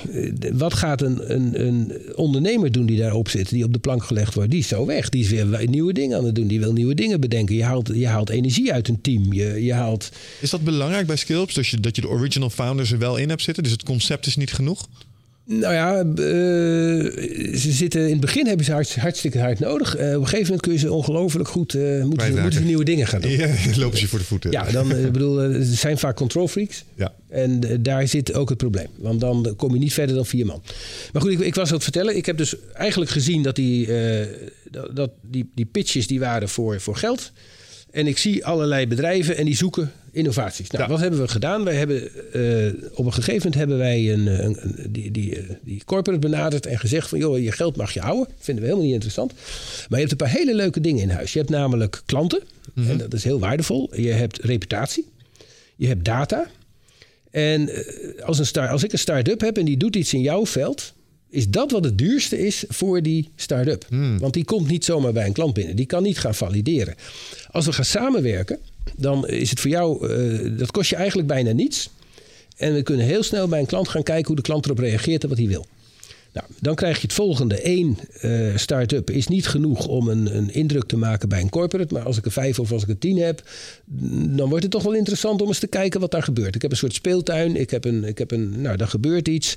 En als je er dan nog geen geld aan kwijtraakt, dan kun je niet veroorloven om niet te komen kijken. Ja. Nou, dat is het concept waarmee ik aan het werk ben. En het, het aardige ervan is, ik heb maar zo een klant voor zo'n start-up. Want er is altijd wel iets in die, bij die corporate die zegt... ja, ik heb daar een klant die vraagt hiernaar... en wij kunnen het eigenlijk niet op die manier leveren. Dat past ons niet. We vinden het best eens interessant om te kijken of we samen daar... Hè, dan moet je, wel, moet je wel onder de regie van de corporate, want zo- zo'n corporate zit in. eh, Maar goed, je mag duidelijk zijn. Als je een grote naam hebt en je komt binnen bij zo'n klant, word je serieus genomen. Ja. En dan hoeft het product niet af te zijn. En wat is duur in een start-up? Dat is het afmaken van je product. Zorgen dat je daar ook serieus mee hebt. Dan noemen ze dan wel minimal viable, product. Nou, eh flauwekul. Je moet gewoon iets klaar hebben. Die klant die wil weten dat het goed is. Ja. Heb je daar een grote naam aan hangen, neemt hij genoegen met iets wat iets minder klaar is. Ja, ja. Ja, goed. En, en dat is eigenlijk waarmee ik nu aan het werk ben. Dus ik ben eh, bedrijven aan het organiseren om gemeenschappelijk een grote corporate aan te vallen. En die nodigen we gewoon uit. Die krijgt op voorhand te horen dat hij zijn centjes netjes in zijn, in zijn broekzak mag houden. Dus hij, wordt- hij wordt niet om geld gevraagd. Er wordt gevraagd om samenwerking en te kijken of we iets met een klant kunnen. Nou, in eerste instantie zeggen ze allemaal, dat gaan we niet doen. Want onze, onze reputatie en onze... Nou, en dan vervolgens ontstaat er een band. En dan zie je maar zo dat het wel gebeurt. Omdat het namelijk een product is waar een klantenkring voor is. Waar de corporate zelf niet zo goed een antwoord op heeft. Nou, en dan ontstaat er iets. Wauw. Ja. En mocht het dan gevalideerd zijn, dan is de corporate de eerste die mag investeren. ja. Want dat is natuurlijk wat je eigenlijk die corporate voorhoudt. Van zorg dat je er op tijd bij bent. Kijk wat er gebeurt. En zorg dat jij de investeerder bent op het moment dat je in een soort scale-up situatie komt. Hmm. En eh, investeer je daar ook mee, of jij faciliteert eigenlijk die start-ups momenteel. Dus je hebt, je hebt een soort kweekvijver gemaakt voor goede concepten. Ja, we hebben ook daar de boel omgedraaid. Ja? Dus we hebben, wij hebben vaak een, eh, een innovatiekring. Dus ik, had, ik, had, eh, nou, ik ben van de week bij een ingenieursbureau geweest en die willen dan aangevallen worden. Mhm. Dat vinden ze dan wel een leuke. eh, van nou, laat maar zien hoe, de, hoe wij dan eh, ten onder gaan. Of, Ja, ja, ja. of wat onze toekomst is. En op dat moment gaan we een innovatiekring organiseren. Dat is een bijeenkomst waar we zowel professionals als vrije denkers aan tafel hebben. Mhm. Daar hebben we een bepaald concept voor. hoe, we dat, hoe we dat organiseren. En daar komen dan meningen uit. Daar komen allemaal gekke ideeën uit. En we beginnen met die tienjaarsvisie. Nou, dan ga je, ik bedoel, dat, dat, dat is nog wel te doen. Hè? Hoe gaat dat bijvoorbeeld zo'n ingenieursbureau er over tien jaar uitzien? Dan kom je nog wel ergens. Vervolgens gaan we nadenken, en wat voor vacatures horen daarbij? En dan vacatures voor ondernemers. Hè, dus ik heb iets waarvan ik zeg, nou daar zou nou eens een ondernemer zich druk over moeten maken. Met de kennis die we hebben, met, de, met alles wat we weten. Zou het geweldig zijn om daar eens eventjes op de, met, met begeleiding om daar te kijken hoe snel je daar iets van maken kunt. Nou, met die vacatures die hangen we op bij hogescholen en universiteiten. En daar komen studenten op af. Soms krijgen ze ook nog broodgeld, noemen we dat. Dus eh, tegenwoordig zie je met die studiefinanciering... iedereen die, zit, eh, die is krap gefinancierd. Nou, als je afgestudeerd bent, dan krijg je 1000 euro per maand. En dan eh, kun je voor die 1000 euro kun je gewoon risicovrij tussen aanhalingstekens, gaan ondernemen. Mhm. En een student die krijgt 400 of 500 euro. En dat is eigenlijk dat hij niet gaat zitten vakken vullen bij de Albert Heijn. Ja, ja, ja, ja, ja. Nou, en, en dan krijg je interesse, want dat vinden ze leuk, dat vinden ze mooi. Eh, en en eh, het grappige is dat broodgeld wordt vaak door die corporate betaald. Dus we willen geen geld van de corporate. Maar die heeft op een gegeven moment, nou ja, dat, dat soort budgetten. Als iemand dan eens even gaat, gaat rommelen in die markt. Ze krijgen er overigens niets voor terug. In welke zin? Nou, het is, het is geen aandeel. De, de student is aandeelhouder. Ja, ja, ja. Alleen eh, is hij succesvol, moet hij zijn broodgeld wel terugbetalen. Want dan kunnen we het nog een keer gebruiken. Maar het is niet zo dat er dan iemand een aandeel heeft in die student. Die student is gewoon vrij om te gaan en staan waar hij wil. Alleen ontstaat er een relatie tussen de corporate en de student. Die Ja. maakt dat het bijna automatisch is. Dat, het, dat als ze succesvol zijn en ze gaan verder, dan, dan vinden ze elkaar. ja dat Maar die corporate wordt soms ook gedwongen om stappen te nemen, omdat anders de concurrent ermee vandoor gaat. Ja, het, het, het, het, het prikkelt verandering. Dat is volgens mij het mooie eraan. Het maakt het ons niet bestuurbaar voor de opdrachtgever. En de opdrachtgever wil bestuurbaarheid. Ja, en het is goed om hem die niet te geven, want hij is inherent conservatief. Ja, en hij, maar hij wordt soms ook aangevallen zonder dat hij daar opdracht voor gegeven heeft. Dus we doen het gewoon. En dan kun je het je niet permitteren om daar niet bij aanwezig te zijn. Je wil weten wat er gebeurt, je wil het zien. Bijna een gijzelaarssituatie. Ja, het is, het is, het, het is, niet, het is niet altijd sympathiek. Tenminste, er zijn Nee. klanten die het niet zo sympathiek vinden, maar het werkt wel. Het Ja. leidt wel tot resultaat. Ja. Hoe vaak is de primaire reactie, als je nou over intuïtieve primaire reactie hebt? Als je mij dit zou flikken, zou mijn primaire reactie nog wel eens eh, mijn tanden laten zien eh, kunnen zijn. Is dat geen risico? Nee, meestal vinden ze het leuk. Meestal vinden ze het leuk. Ja, ja, ja. Ik heb nog nooit een. Ik heb wel. Ik heb zelfs mensen die, die, die dan uiteindelijk zijn ze enthousiast. Ja? Maar ik heb wel mensen op me afgehad die zeiden: joh, toen jij bij mij binnenkwam, zo moet je dat niet weer doen. Eh, en helpt dat doorgaans, dat soort feedback? Eh, ik zei: als ik zo niet binnen was gekomen, had jij hier niet gezeten. Ja, en dan, dat is wel brutaal. krijg je. Nou ja, dat, dat is de onafhankelijkheid die we hebben. Kijk, Ja. als, als ik bij een klant ga aankloppen en ik zeg: joh, ik, ik ga voor jou een incubator neerzetten, kun je me even 50.000 euro leveren, want dan ga ik ermee beginnen. Ja, En dat zie je veel gebeuren op dit moment in, in allerlei eh, innovatiecentra hier, in, in, in, vooral in, in, West-Nederland zie je dat heel veel. Ja, dan heb je een heel ander verhaal. En- Maar wij komen binnen en we willen het geld niet hebben. Nou, dat begint al natuurlijk met van, dat kan niet waar zijn. Dat moet ergens. En hoe ga jij je geld dan verdienen? En Ja. hoe, je krijgt natuurlijk altijd die discussie. Ja, want je hebt een soort broodheer. En als je die niet hebt, dan maakt het eigenlijk niet zoveel uit wat hij ervan vindt. Nee, en we hebben daarom ook wel eens gehad dat we de, ene partij eh, niet snel genoeg reageerde. Dus een corporate die, die, die gewoon niet snel genoeg reageerde. Toen kwam een andere tussen, de, de tussendoor en die dook erin. ja, ja, ja, goed. Dat, dat is wel wat kan gebeuren. Ja, wat, wat ik hier alleen nog niet, eh, niet, niet zo goed in begrijp is, eh, eh, is doe je dit, want ik bedoel, de gasfabriek als zijnde co- commerciële entiteit zal ook wel omzet willen maken. Zo, waar zit jouw verdienmodel hierin? Of is dat er niet? Of is dat gewoon omdat je het leuk vindt, waar we het in het begin over Ik, hadden? ik moet eerlijk zeggen dat ik, dat ik het leuk vind. ja. Eh, wij hebben een paar oude gasfabrieken hebben we eh, voor niet te veel geld opgekocht. Die hebben we wel duur verbouwd. Dus het, eh, dat staat nu. Dat is prachtig daar. Ja, maar daardoor is het ook, gaat het ook leven. Dus alles klopt. Dus Mhm. er komt een enorm ecosysteem omheen. Er komen heel veel partijen op af. Het is heel gewild. We hebben meer vraag om daar te mogen zitten dan we kunnen, kunnen plaatsen. We zijn heel selectief. Dus in het begin moesten we nog wel eens iemand toestaan om, om eh, daar te gaan zitten. Omdat we gewoon de boel aan de gang moesten krijgen. Nu kunnen we het ons veroorloven om partijen te zeggen... nee joh, je past hier niet. Maar dat ecosysteem is voor mij heel waardevol. Eh, Maar ga me niet vragen of ik daar ooit op welke manier geld aan ga verdienen. Hm. Maar het, het is nu al heel waardevol. En ik moet heel veel commerciële partijen buiten boord houden. Dus er hangt ook bij ons gewoon een, een, een statement. Wij verdienen niet aan elkaar. Hm. Dus als iemand binnenkomt, een venture capitalist of iets anders, eh, dat kan absoluut niet. Dat is niet de bedoeling. Het is een ecosysteem waar niet verdiend wordt. Het is nu redelijk break-even. Mhm. Er worden nog geen mensen op de payroll gezet, dus niemand verdient er geld aan. Eh, hoe ga je er geld aan verdienen? Ja, eh, geen idee. Maar Hmm. ik, ik zie zo verschrikkelijk veel gebeuren. Ja, ik, ik maak me sterk, maar daar kun je uiteindelijk wel een keer geld aan verdienen. Alleen ik maak me daar geen zorgen over. Dat is interessant, want de meeste mensen die je een business, eh, die business coach zijn, die zouden zeggen dat dit, beetje- dit, is, dit is insanity als je het op deze manier zou Ja, dat is, dat is het misschien ook wel. Oké, ja. Alleen, alleen ik heb, eh, wij, zijn, eh, we zijn goed twee jaar geleden begonnen. Ja. En het is nu eh, 7000 vierkante meter innovatie Ja, en, ja. En, en leven. En we hebben eh, dus nu een stuk aan een hogeschool verhuurd. Dus een heel gebouw waar een hogeschool zit. Nou, ze betalen niet veel. Maar eh, geweldig om mee te maken. En die Mhm. studenten, die, eh, van de week was het mooi weer. Dan gaan alle meubels naar buiten, zitten ze allemaal buiten. En dan zijn ze aan het werken en zijn ze dingen aan het doen. En daar loopt van alles doorheen. Uh, we hadden van, vorige week een raad van bestuur van een bank die bij ons aan het vergaderen ging. Ja. Het, het is een enorm leven wat daar ontstaat. Ja, dat is, vind ik al een enorme waarde heeft dat. Ja. En hoe je daar ooit een keer geld aan gaat verdienen, daar moet je heel voorzichtig mee zijn. Ja. Nou, waar, waar, waar het, ehm, wat het in ieder geval bij me oproept, is het beeld dat er. eh, het is een soort mini-netwerk. Er ontstaat ook een soort van eigen cultuur, Ja, zeg maar, ja. inter, interactie. Ja. En, en dat, dat brengt me eigenlijk bij, bij het tweede punt, waarvan, want we hadden het over disruptors. Eh, wat, wat daar ongelooflijk belangrijk bij was, als je echt goed wil disrupten in een markt, en dat is ehm, afwijkend van de bedrijfscultuur van de meeste bedrijven, en dan is het de fouten is oké cultuur. Dus het, het is eh, de, zeg maar inherent aan startups is falen. Ja, En, en dat vinden een heleboel ondernemers een soort van, eh, ja, dat is, eh, dat- daar zit een soort stigma op ook. Failliet Ja. gaan in Nederland is niet Ja. cool. In Amerika is het een, ja maar, nou, maar nou kom jij op de gasfabriek. En eh, daar kom je niet. Dan moet je wel al ergens aan. Je moet, je moet een pitch hebben gegeven waar iedereen van zegt: Wauw, dat, dat zien we zitten. En dan niet een pitch voor geld. Vervolgens word je in het, ons ecosysteem opgenomen. En dat betekent dat je met jouw naam krijg jij een entiteit in de blockchain. En daar hangen we ook munt aan. Dus we zeggen jouw IP-rechten, dus wat jij opbouwt, jouw intellectual property. Daarvan mag jij bijvoorbeeld 10% eh, beschikbaar stellen tegenover 100.000 munten. En dat zijn echte flauwekulmunten, maar dat zijn jouw munten, die hebben jouw naam. En daar kun je handel mee gaan drijven. Dus jij hebt op een gegeven moment iemand nodig en die moet iets voor jou doen. En dan maak jij de deal en dan zeg je, weet je wat, ik geef jou duizend munten en dan ga jij voor mij eh, iets doen. Nou, dat kan oplopen.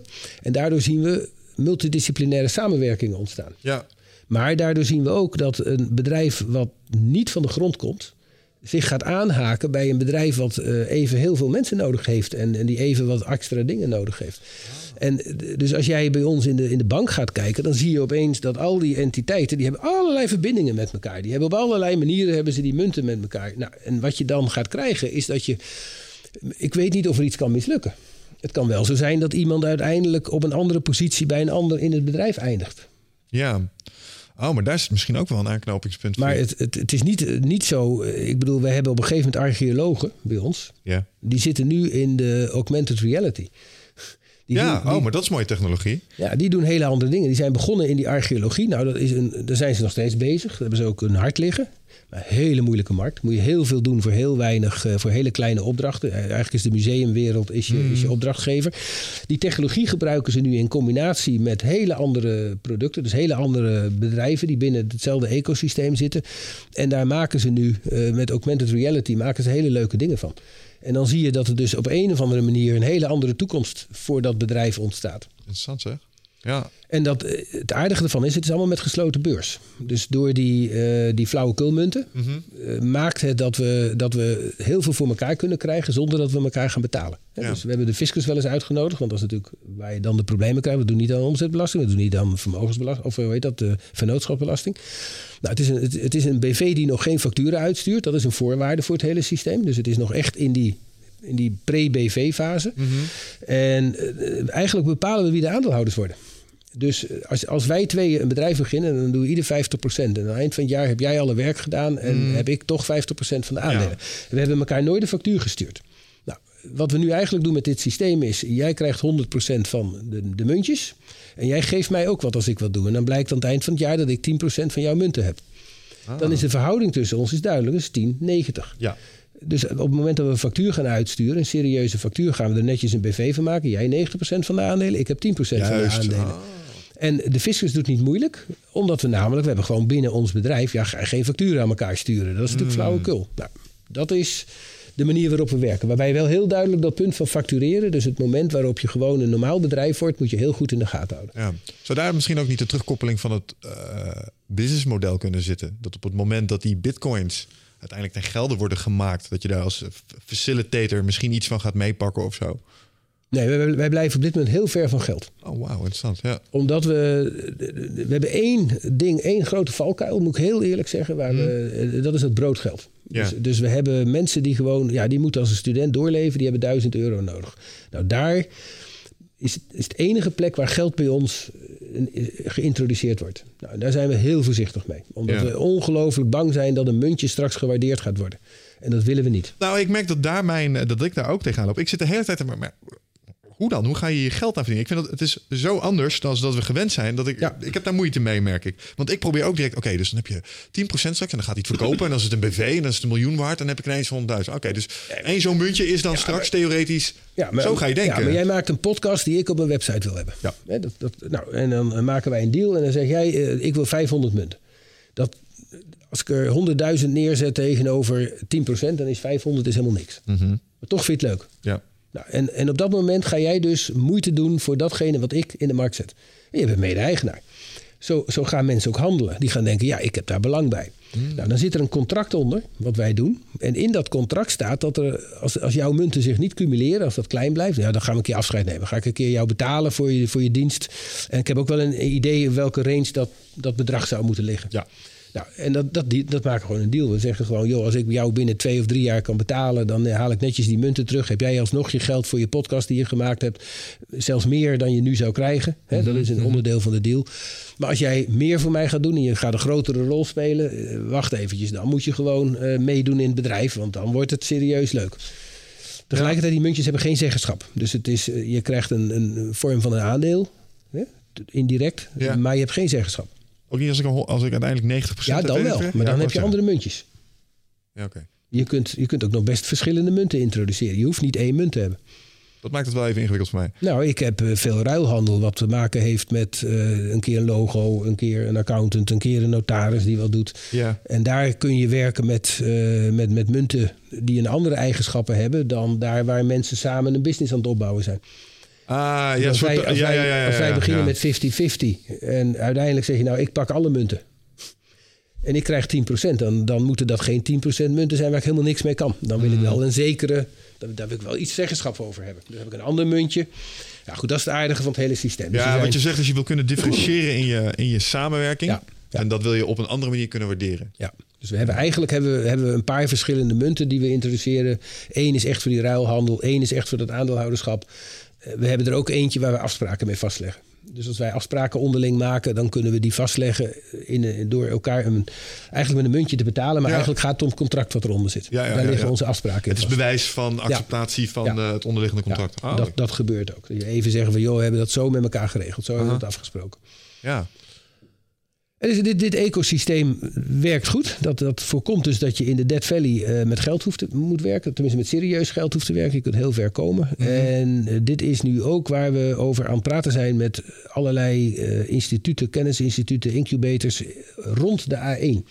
Dus we zitten ergens aan die A1. En we hebben bedacht dat als we wat willen bereiken, dat we eigenlijk al die eh, initiatieven aan elkaar moeten koppelen met dit ecosysteem. Dus we bieden het gewoon aan aan andere partijen en zeggen van joh, eh, als jullie dat nou ook gaan gebruiken, dan kunnen jullie start-ups samenwerken met onze start-ups. Nou, daar geloven we hard in, want dan heb je veel meer die multidisciplinaire eh, beweging erin zitten. We hebben ergens een agro-innovatiecentrum. we hebben een, een, veel meer op, op, op echte zware techniek. We hebben hem op cleantech. eh nou, ja, dit is schaalbaar natuurlijk. Ja, dit, dit, dit, het, is heel makkelijk. Ja, je kunt dit heel makkelijk overal neerleggen. En je krijgt samenwerking. Je, mensen kunnen elkaar daarmee vinden, kunnen elkaar daarmee betalen. En je komt goedkoper door die Dead Valley heen. Ja. Ja, ik realiseer me nu iets nu dat zo zegt. Hè, als je die multidisciplinaire samenwerkingen krijgt. eh, de, de laatste pijler van een succesvol disruptor was namelijk, eh, die me verteld was, was het zelfsturende team. Ze moeten zichzelf kunnen organiseren. Maar volgens mij verdwijnen, als ik me dit zo voorstel, ook een beetje de klassieke wanden tussen een organisatie. Ik bedoel, Ja. stel Wicht en ik strijken daar neer. Eh, dan zijn we in eerste instantie zijn we nog met z'n tweeën. Maar het zou maar zo kunnen zijn dat er een soort andere bedrijven is ontstaan. Waarbij bijvoorbeeld jij en ik plots ook een soort van Ja, onder een teamtje zijn. Want wij hebben ook hier iets lopen of Ja. zo. ja. Sterker, wij hebben, en dat, dat is wel een. Daar ben ik nog niet uit of dat nou sterk of zwak is. Maar we hebben nu ondernemers zitten die eh, eigenlijk hun poten hebben in drie bedrijven. Als je kijkt naar focus, vraag ik me af. Nou ja, daar, gaat het dus, daar kun je dus je vraagtekens bij zetten. Ja. Ik bedoel, dat, dat vind ik niet wenselijk. Dat mensen dus op een gegeven moment door hun technologie eh, te veel eh, verspreid bezig zijn. Ja. Dat zou jammer, dat is jammer. ja, aan de andere kant, als ik naar mezelf kijk, ik heb ook drie ondernemingen. En dat is omdat ik, ik hou ook van eh, variatie, zeg Ja. maar. Dus Ja. als je het voor elkaar kan krijgen, waarom niet? Denk ik dan aan de andere kant. Maar even... Nou ja, je, je, moet- je, je moet, kijk, wij werken veel met studenten. Die studenten die krijgen vanuit hun opleiding eh, dat business canvas. Dat ken je waarschijnlijk ook wel. Ja. En dan een hele, hele goede opdracht van jongens, je moet focussen, je moet focussen. Nou, dan zie je vaak dat ze drie weken, vier weken achter een business canvas zitten. Dan zitten ze naar te turen. Nou, dat helpt dus helemaal niet. Laten we daar heel simpel mee zijn. Nou, wat wij doen is, is vreselijk opportunistisch. Het, het opportunisme druipt er vanaf. Want als je weer ergens wat kunt regelen, je kunt samen weer wat, wat, wat ergens je vinger achter krijgen. Je kunt ergens. Een, een- nou, dat vind ik heel belangrijk. Dat opportunisme is ongelooflijk belangrijk. Oké. En alleen, eh, waar ligt nu de, het optimum? Want als je alleen maar met opportunisme aan de gang gaat, kom je ook nergens. Eens. Maar een goede ondernemer, een goede pionier, is een vreselijke opportunist. Ja, dat geloof ik al. Ja, en, dat, dat, da- en dan moet je niet achter je business canvas gaan, gaan, gaan hangen aan. En dit heb ik afgesproken. Nee. Hoe, ehm, nee, je zegt net, een, een goed ondernemer is een opportunist. Ehm, als je een opportunist bent, betekent dat ook dat je tegen kansen aan moet lopen. Hoe, hoe genereer jij die kansen voor jezelf? Nou, dat kan ik je wel vertellen. De, de- jij wil niet weten hoeveel kansen er komen als die corporates bij ons rondlopen. Hmm. Dus eh, ik bedoel, als wij. eh, stel dat. Nou ja, jij bent bezig in de sportvoeding, Onder andere, ja. onder andere. Wij gaan kijken wie, gaan, wie hebben we op de korrel. Wie gaan we hier. eh, nou, dat kan, dat kan heel gek zijn. Hè? Dus we hebben wel eens een, een, een, een, een eh, leisure eh, gehad, dat is een beetje in de buurt. En toen gingen we nadenken, wie moeten we nou op de korrel nemen? En toen kwamen we uit bij een bierbrouwer, want de bierbrouwer heeft al die festivals en die heeft al die, nou, een hele rare kronkel. Maar toen zijn we de bierbrouwer gaan aanvallen. En het aardige wat je dan krijgt is dat je dus opeens belangstelling krijgt uit een hoek waar jij nooit binnenkomt. Jij kunt wel denken dat je daar kunt aankloppen en dat ze naar jou luisteren. En dat ze, maar dat is niet zo makkelijk. Maar stel dat we drie of vier van dat soort initiatieven bij elkaar weten. En we gaan bellen met zo'n corporate vanuit de gasfabriek, vanuit een overkoepelend orgaan. En we nodigen ze uit, dan weet ik bijna zeker dat ze komen. En dat geeft een ongelooflijke hoop kansen omdat er dan heel snel iets ontstaat van... nou, laten we kijken wat we samen kunnen doen. Laten we eens even zien, hé, hey, dat vinden we wel leuk. Een, een hele nieuwe eh, benaderingswijze van een festival. Een hele nieuwe aanwezigheid of een hele... Ja, dan ontstaan er heel veel mogelijkheden. Ja, En dan kan ik het bij jou niet direct vertalen in, in, in, in, in, in die sportvoeding. nee. Maar eh, daar ga je daar een uur over zitten... en jij bedenkt wel wie jij aan zou willen vallen. Ja hoor. En eh, dat is misschien wel niet Nutritia. Dat is misschien wel een partij die helemaal niet voor de hand ligt. Ja, En dat wordt heel aardig, want eh, hoe krijg je daar die mensen naar je toe? Nou, door zoiets te, te organiseren. En ik, ik verzeker je, ze komen. ja. En soms komen ze voor elkaar.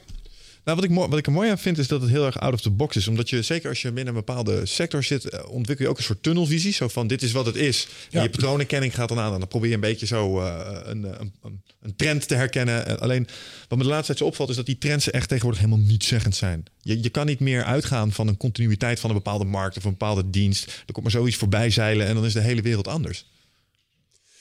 Ja, dat weet ik niet. Als jij, als jij, eh, voor je zou weten, als jij zou weten hoe over tien jaar de wereld van de sportvoeding eruit ziet. En eh, ik vertel je dat dat makkelijker is dan hoe je er komt. Dus het is, waarschijnlijk is het makkelijker om te bedenken wat er allemaal weggaat en wat erbij komt. En hoe het, Ja. hè, die tienjaarsvisie, dat, dat, hoe gek het ook klinkt, die is niet zo moeilijk. Nou, dan heb je een ongelooflijk richtpunt. Ja. Daar moet je naartoe, want daar gaat het naartoe. Ja, ik denk dat eh, eh, als je naar onze supplementenbranche kijkt, ik denk dat technologie daar ook echt een factor is. Eh, Ja. gepersonaliseerde medicijnen komen eraan. Ik verwacht dat je straks ook ja, gepersonaliseerde voeding krijgt die rekening houdt met alles wat jij nodig hebt als mens. En dan is de behoefte aan supplementen, want wat doen ze? Supple- suppleteren, zeg maar, ze, ze vullen aan wat je tekort komt. Ehm, en dat is heel persoonlijk. Dus, dus als jouw voeding echt op persoonlijk niveau wordt gemaakt, dan is de behoefte aan supplementen gewoon minder. Ja. Dus dat zal een trend zijn die, die, ons, die iets met ons gaat doen. Ab- Absoluut, maar je, gaat, je gaat ook naar de, de hele sensortechnologie. En de, de, ik bedoel, als je het over personalisatie hebt, de hele screening gaat veranderen in die markt. De hele, die, die, die pre-screening waar ze mee bezig Ja. zijn. Ja, dat gaat gigantische consequenties hebben. En, ga, en als je dat op een rij gaat zetten, dat is mijn ervaring. Je gaat goed kijken naar alles wat er op een rij staat. En dan ga je op een gegeven moment bedenken van hip. Dat is dus de trend over tien jaar. Ja. Ik denk dat Quantified zelf daar een hele belangrijke is. Die measurables, zeg maar. En dat, Ja. dat, die metrics over jezelf verzamelen, dat is ongelooflijk hip en populair. En eh, dat is natuurlijk eh, de basis voor wat straks, zeg maar, de innovaties die komen met nou ja, persoonlijke medicijnen, persoonlijk eten. Daar, kun je die, ba- die, Ja. die data weer voor Ja. gaan gebruiken. Dus ik denk dat dat de manier is naar je zo goed maar- mogelijk Maar dat kon wel eens niet zijn met, een, met, een, met, met zo'n horloge of zo'n fitbandje of met een, een weet ik veel wat. Dat kon wel eens veel makkelijker zijn. Ja, nou, je ziet nu al bijvoorbeeld digestible trackers. Gewoon in een tabletvorm neem je iets en dat, dat lost na een 24 uur op, maar het verzamelt wel gegeven. Dat gebruiken ze nu in ziekenhuizen zo af en toe. En die technologie zou nog wel eens kunnen doorslaan eh, goed, naar eh, onze branche. Ja, ik ja, denk dat we even een uurtje gaan zitten. Dan kom ik ook wel, eh, komen we ook wel tot een bepaalde visie voor die markt over tien jaar. Zo moeilijk is het niet. Nee, En dan heb je je punten waar je, op de horizon waar je naartoe kunt gaan. En, en dan ga ik je vertellen, dat is vreselijk moeilijk. ja, Niemand ziet hoe die daar komt. Nee. Alleen, en dan heb je vaak een stok achter de deur nodig. Er moet een wetgeving zijn, er moet iets anders. Het gaat niet vanzelf, want vaak zit heel veel van de afspraken die we op dit moment hebben, die zitten ons in de weg. En tegelijkertijd, dat is nou juist het leuke. Corporate kan er niks mee, start-up kan er vierkant doorheen fietsen. En wat wij doen met onze, met onze eh, bank, Mhm. met die flauwekulmunten. Daar kan geen groot bedrijf mee, eh, iets mee doen. Want die heeft direct allerlei... eh, nou, als het geen horizontaal toezicht van de accountant is... dan is het wel een eh, ruzie met, met, met andere partijen, intern, extern. Omdat het allemaal onzekerheid geeft. Ja, log. Ja, nou ja, goed, het, het is innovatie die aan de randen komt van wat mag nou wel en wat mag nou niet. En dat is een moeilijke discussie. Ja, ja, ja. Toch moet je hem altijd blijven voeren, want dat is wat het gewoon is. Hè? Voortschrijdend inzicht. Ja. Ik bedoel, eh, Ja. Ja, helder verhaal. Hey, ehm, nog even terug naar, naar, naar de, het, het soort mensen dat je in die teams hebt zitten. Hè? Dat zijn natuurlijk studenten. Ja. En eh, ik heb zelf ook aan de wervende kant in het bedrijfsleven gestaan. En eh, dan kijk je naar eh, het soort mens dat er van opleidingen afkomt. En ik had al zoiets van, nou, ik zie nog wel wat hiaten in wat ze geleerd krijgen en hoe de praktijk eruit ziet. Ja, Ehm, vroeg me af, heb jij dat ook geconstateerd? En zo ja, wat zijn die hiaten? absoluut. De, de, de, de, de opleidingen zijn niet... Ja, dan moet ik uitkijken wat ik zeg natuurlijk. Maar die zijn niet meer van deze tijd. Oké. Dus het, het, het probleem is, de technologie gaat zo hard... eh, dat ik op heel veel plekken zie dat, eh, dat men de technologie niet kan volgen. En misschien hoeft dat ook niet. Maar je moet je afvragen... Kijk, je- we leren zo hard, zoveel. Mhm. De vraag is of de wetenschap dat wel kan volgen. Ja. Ja, dus dat- dus ik, ik, ik kan beweringen doen die wetenschappelijk totaal niet onderbouwd zijn. Maar, maar door allerlei eh, data weet ik veel wat. Ja joh, het is gewoon zo. Mhm. Nou, eh, dus er gaat een steeds groter gat ontstaan volgens mij... tussen wat er in de praktijk gebeurt en wat er, in, eh, wat er opgeleid wordt. ja. En wat je gaat krijgen, als ik kijk naar de partijen, de corporates waar wij, waarmee wij werken, die hebben allemaal iets van: we gaan onze eigen universiteit oprichten, we gaan ons eigen opleidingsinstituut neerzetten. Ik bedoel, dat gaat bijna in alle branches kom ik dat tegen. Ja. En dat is heel sterk vanuit de behoefte: we hebben een ander type mens nodig. Nou, als je, als je, ik praat er ook regelmatig over met de universiteit. En dan kom je op, op eh, postdoctorale opleidingen die er moeten komen. Waar eh, intrapreneurs, entrepreneurs opgeleid worden. Mensen die veel meer de kansen gaan zien. Die andere vaardigheden gaan, gaan gebruiken. Ik vraag me wel eens af of er niet een enorm gat zit tussen universiteit en hogeschool. Dus het, ik zie op de universiteit eh, die wetenschap waar men voor opgeleid wordt. En waar het bedrijfsleven misschien wel veel minder behoefte aan heeft. Ik zie op het HBO eh, de praktijk waarvoor men opgeleid wordt. En er zit een gapend gat tussen. Ja, dus ik, ik, heb, ik heb ongelooflijk iets nodig wat, wat ik niet uit die wetenschap haal. En ook niet op dat, op dat HBO weet te vinden. Ja, je hebt een, je hebt een doende conceptdenker nodig. Want, Ja. want die, Ja, zijn allemaal... Ja, het zijn, concept. zijn conceptdenkers, Ja. hartstikke mooi. Die HBO'ers die willen allemaal niets liever als uitvoeren. Ja. Maar er zit niks in het midden, is wat je Nee. zegt. Ja. Nee, en, en, daar ga, en daar ga je zien. Ik bedoel, ik zie ongelooflijk veel partijen bezig met te kijken hoe ik kan ik mijn eigen opleiding gaan, eh, gaan, Ja. gaan inrichten. En vind je dat eigenlijk ook niet terecht? Is, is het eigenlijk ook... Of denk je dat, dat de opleidingsinstellingen daar ook gewoon... Die zullen zich ook moeten aanpassen, want anders doen ze er straks gewoon echt niet meer toe. Nou ja, de, de- kijk, de wetenschap blijft belangrijk. Alleen als jij weet dat van de 100% studenten die ze opleveren, 90% niet eh, de, de wetenschap in gaat, dan, eh, dan moet je misschien voor die 90% wel wat anders gaan doen. Nou, en daar vind ik wel dat de schoen wringt. Ik zie dat er eisen gesteld worden aan de universitair opgeleiden. Waarvan ik denk, ja, ik had liever dat ze een paar andere dingen gingen doen. En dat ze een paar andere dingen gingen leren. Wat zijn dat dan voor dingen?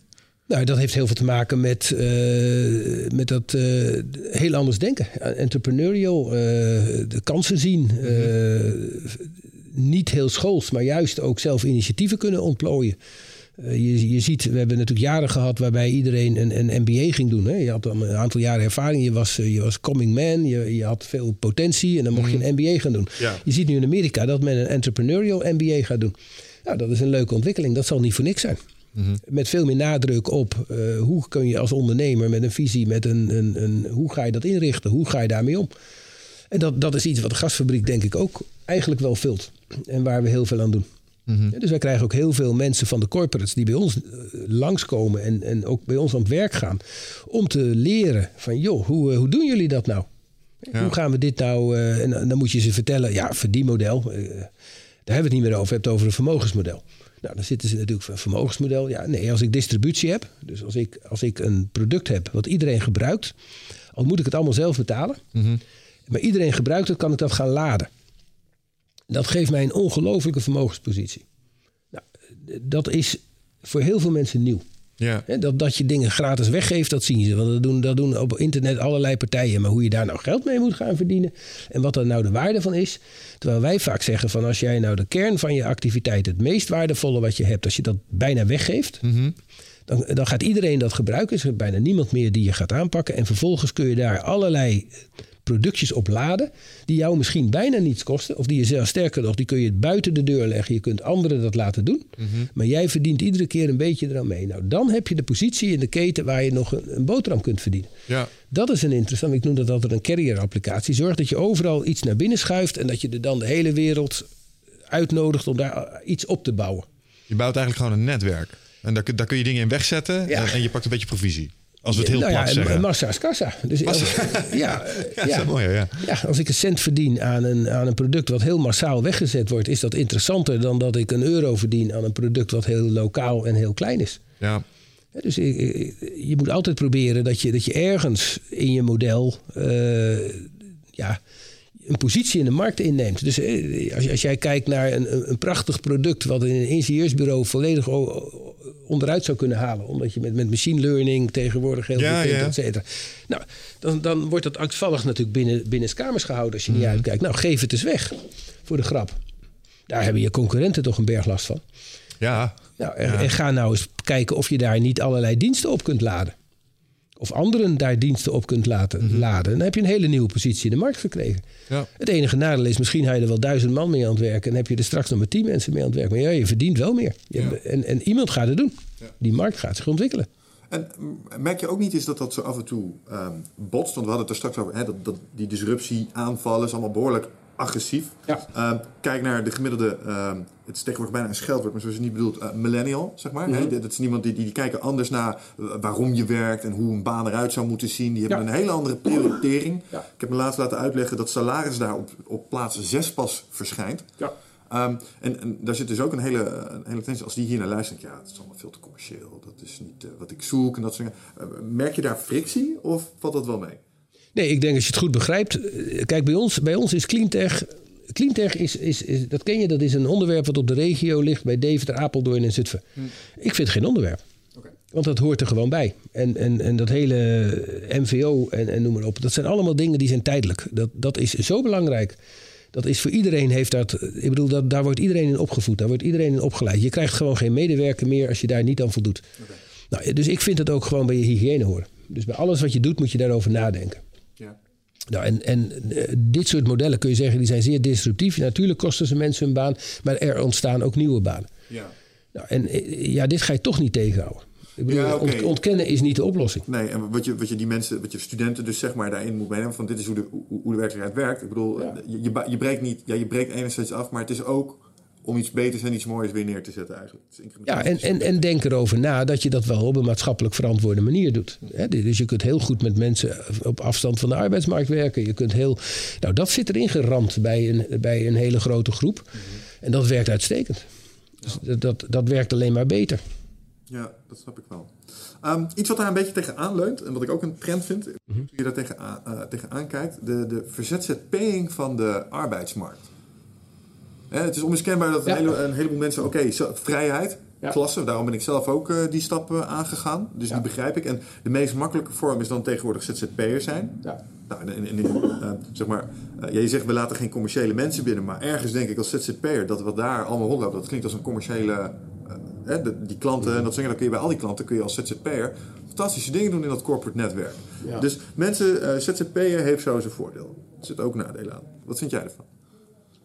Nou, laat ik beginnen met dat er twee soorten ZZP'ers zijn. er zit een hele grote groep tegen wil en dank. En dat heeft veel meer te maken met dat wij onze maatschappij op een manier hebben ingericht dat we blijkbaar niet meer geïnteresseerd zijn in 45-plussers.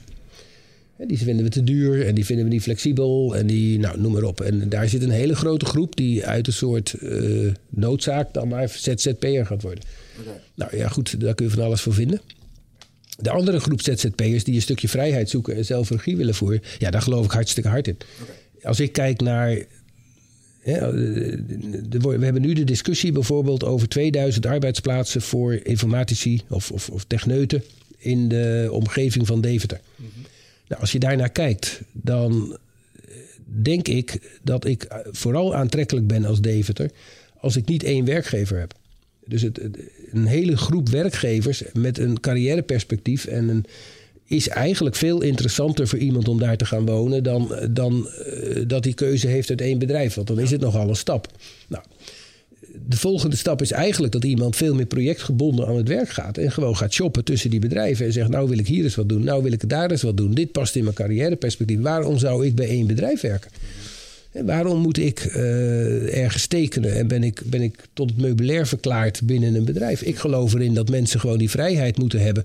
En dat, mensen, dat er gevochten zal worden om mensen. En dat het daardoor heel aantrekkelijke banen gecreëerd worden. En dat, daar hoop ik op. Maar dat zie ik ook wel een beetje gebeuren. Ja. Ja, er is natuurlijk een groep die die positie al een beetje heeft. Nou, en, en, ik, zie, ik zie best kans om 2000 banen ge- ingevuld te krijgen in zo'n omgeving waar wij zitten.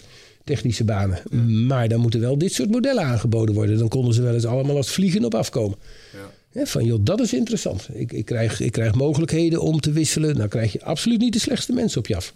Als je dat gaat doen. Ik denk dat het ook een ongelofelijke stimulans is voor, eh, voor bijvoorbeeld... Dan wil ik niet David tot de periferie verklaren, maar het is geen Amsterdam in dat opzicht. Dat hebben wij gemerkt toen we gasten naar David probeerden te krijgen steeds. Mensen Ja. komen liever naar Amsterdam toe. Ja. Hadden we het er straks ook even over. Maar het is wel een ongelofelijke prikkel voor zo'n omgeving, stel ik me voor. Economisch gezien ook. Ik bedoel, Ja. kijk, kijk, kijk naar de binnenstad Deventer. Eh, Ik bedoel, de eh, Topicus zit in de binnenstad Deventer. Er zijn horecabedrijven die draaien op het feit dat Topicus daar zit. Omdat iedereen in de lunch de stad in gaat om Ja. broodjes te eten. Ja. Ja. Dus dat is een prikkel voor je omliggende economie. Ja, maar, je, maar je, moet, je moet dan een ecosysteem maken waar samengewerkt wordt. En je moet niet allemaal bedrijven hebben die niet eens weten wie hun buurman is. Ja. Nou, en dat, dat is wat, op, wat natuurlijk nog heel vaak fout gaat. Eh, Ik, ik, ik reed toevallig van de week eh, langs een, eh, een spandoek. En die stond ongeveer bij de ingang van, van Topicus. En daar stond op dat je ergens anders beter kon gaan werken met de IT. Binnen de- Ja, dat, dat gaat dus niet werken. Hoe bedoel je dat? Nou ja, de, de, een concurrent die staat te adverteren eh, Ja. op, op een hek ongeveer bij de parkeerplaats van, eh, van zijn concurrent. Oh, zo strategisch koos van kom bij ons en niet bij, bij ja, hem. Ja. Ja, ja, goed, dat, dat, volgens mij is dat niet wat je moet doen. Je moet gaan samenwerken. Mhm. Je moet zorgen dat je een ecosysteem neerzet waar mensen zeggen: joh, ik heb daar gewoon perspectief. En ik ga daar werken waar ik een uitdaging vind en waar ik wat aan mijn carrière kan toevoegen, waar ik een stap kan maken. ja.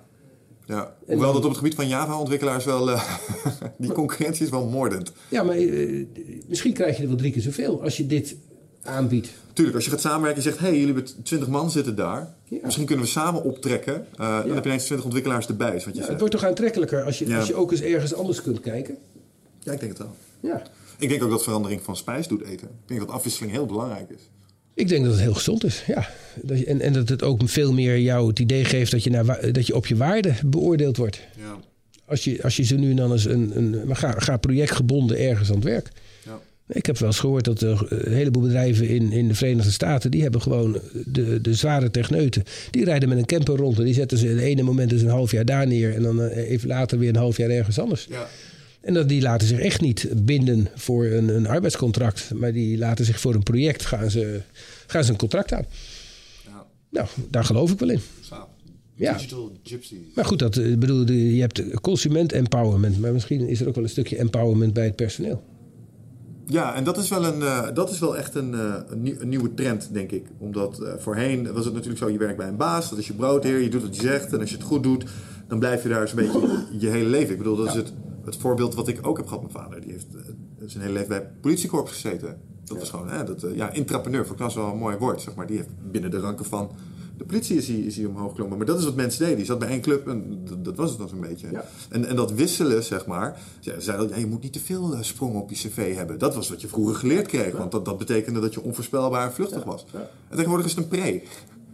Bewijzen van. Als je veel verschillende dingen... nou ja, ja. Ja, en dan zie je dat in de, in de crisis iedereen weer een beetje vast gaat zitten. En denkt van nou, laat me even blijven zitten. En nu zie je dus weer een enorme bewegelijkheid in die markt komen. En daar hebben veel bedrijven behoorlijke problemen mee. Ja. Nou ja, goed. Ik, ik denk dat je gewoon zoda- zodanige leuke projecten en, en, en klussen moet hebben. dat daar gewoon mensen op afkomen op dat project. Maar als ik nu al weet wat ik over een jaar moet gaan doen. nou, dan zou ik wel een beetje moe worden.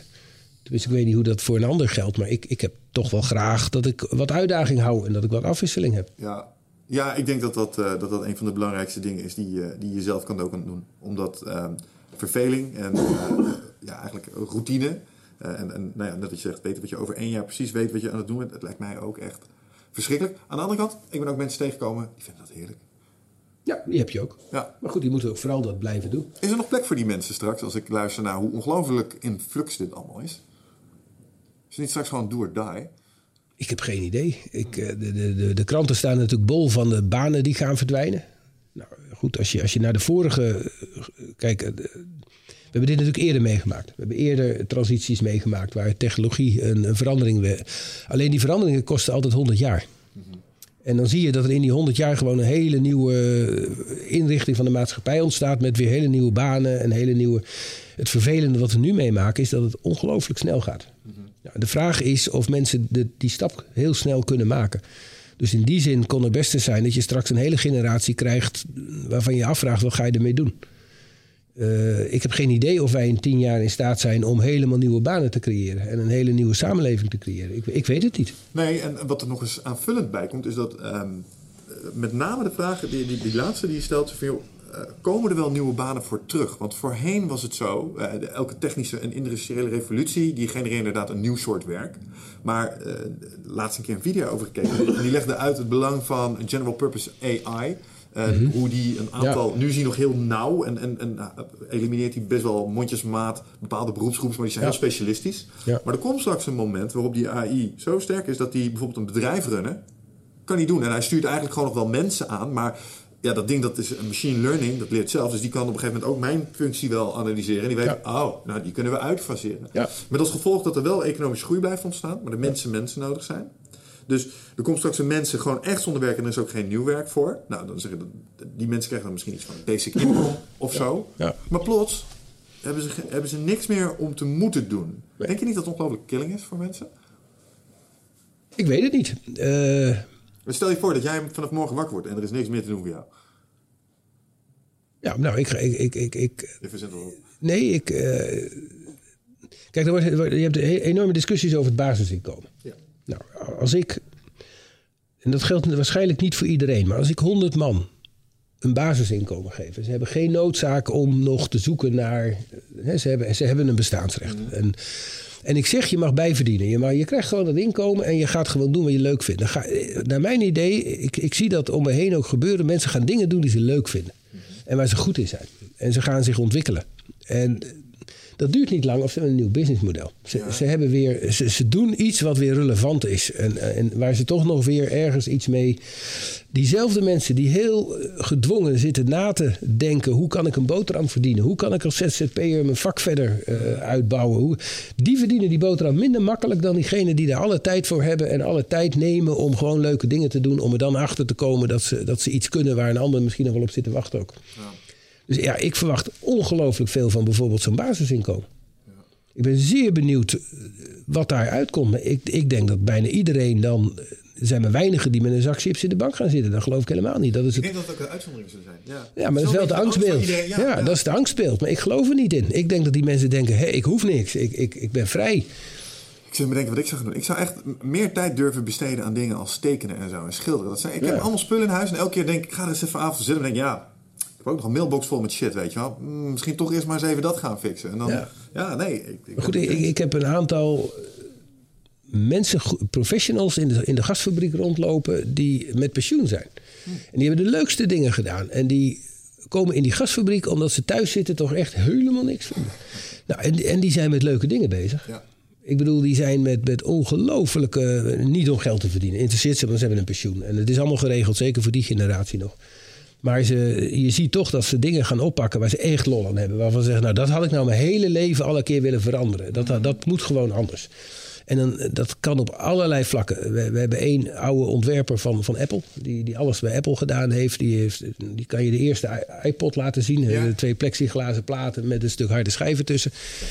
Ja, maar zo'n man die, is, die, ja, die, heeft, die heeft kracht op een aantal plakken. En die, die doet hele leuke dingen. En die neemt ook heel veel van die jonge mensen onder zijn arm mee. Waar die mee aan het werk is. Uh, op dezelfde manier zijn we bezig om dat gat tussen die, dat HBO en die universiteit te vullen. Een aantal mensen die daar heel druk mee is. En zeggen, oh, ik heb dat altijd beroepsmatig moeten doen. Maar ik mocht niks. En nu heb ik meer vrijheid. Ja. Dus het werkt wel. Ja, het brengt, me, het brengt me dan eigenlijk even bij een van mijn eigen persoonlijke angsten. Want je zei het daar straks ook al. Het bedrijfsleven beschouwt mensen die uh, 45 plus zijn als uh, te duur, te immobiel. Uh, ze zijn een soort... Ze zijn niet innovatief genoeg meer. Nou, ik nader de 40. Ik denk, ik, ik kan nog wel even. Maar ja. uiteindelijk moet je toch een keer omslag maken. Ja. Ik heb het gevoel dat jij iets ouder bent dan 45. Ja. Dat gaat jou allemaal prima af. Um, is het oprecht een risico uh, dat je op een gegeven moment in deze maatschappij, waarbij de, de innovatie en de jongheid uh, op een soort voetstuk, staat, dat je minder relevant wordt? En wat, wat kun je er tegen doen? Ja, als, je, als jij gaat voldoen aan waar, wat de maatschappij van jou verwacht, zul je waarschijnlijk minder relevant worden. Ja, je, ligt dus helemaal bij jou. Ja, en als jij dat doet waar jij zelf denkt dat je nuttig bent, of dat je, ja, joh, uh, ik kan me niet voorstellen dat je dan niet relevant wordt. Alleen ik, ik zie al die mensen zo krampachtig in een patroon zitten. Om, om dat maar die boterham te moeten verdienen. Om die, uh, dat bestaansrecht neer te zetten. Of om toch weer. Uh, ja, dat, dat is moeizaam. Ja. Dat is moeizaam. Tuurlijk. En, en, en, maar goed, daar, maar zie jij, ik zie zoveel mensen in een baan zitten waar die niet anders zijn. Die worden alleen ervoor betaald. Dat is ernstig. Ja, goed, en, en kun je dan na tien jaar nog veranderen? Ik weet het niet, maar, maar gooi ze in de diepe, laat ze wat. Misschien wel. Maar de meeste mensen die raken compleet verlamd als ze in een onzekere situatie komen. Ja. Toch denk ik dat het lerend vermogen van die mensen er best wel is als ze het maar even. Um, it's monkey see, monkey do misschien ook Ja. wel. Als, als ze gewoon, uh, zeg maar, ik denk dat ook mensen die tien jaar op een plek zitten en vastgeroest zijn tussen uh, quotejes, dat als je, als je ze een maand met, Ja. met mensen van een ander allooi laat optrekken, dat wrijft een soort van op ze af. Die mensen kunnen niet anders dan denk ik ook weer anders worden of zo. Ja. Misschien ook wel een beetje die omgeving niet op bepaald. Ja. Ja. Dus eigenlijk ligt het verantwoordelijk bij jezelf, naarmate je verder komt op je carrièrepad, om je daar eigenlijk ook Nou ja, in nieuwe de- situaties te blijven zetten. je- moet mensen daarin helpen. Ja. En, de, en de huidige manier waarop wij met die mensen omgaan, die helpt niet. Laten we daar heel simpel in zijn. Dus het, het, het, het, het maakt, we spelen een rol. Dus het kan maar zo zijn dat jouw buurman, die, eh die 's morgens in een, een mooie grote auto vertrekt in een pak als bankier, dat die op zijn werk komt en achter een callcenter zit.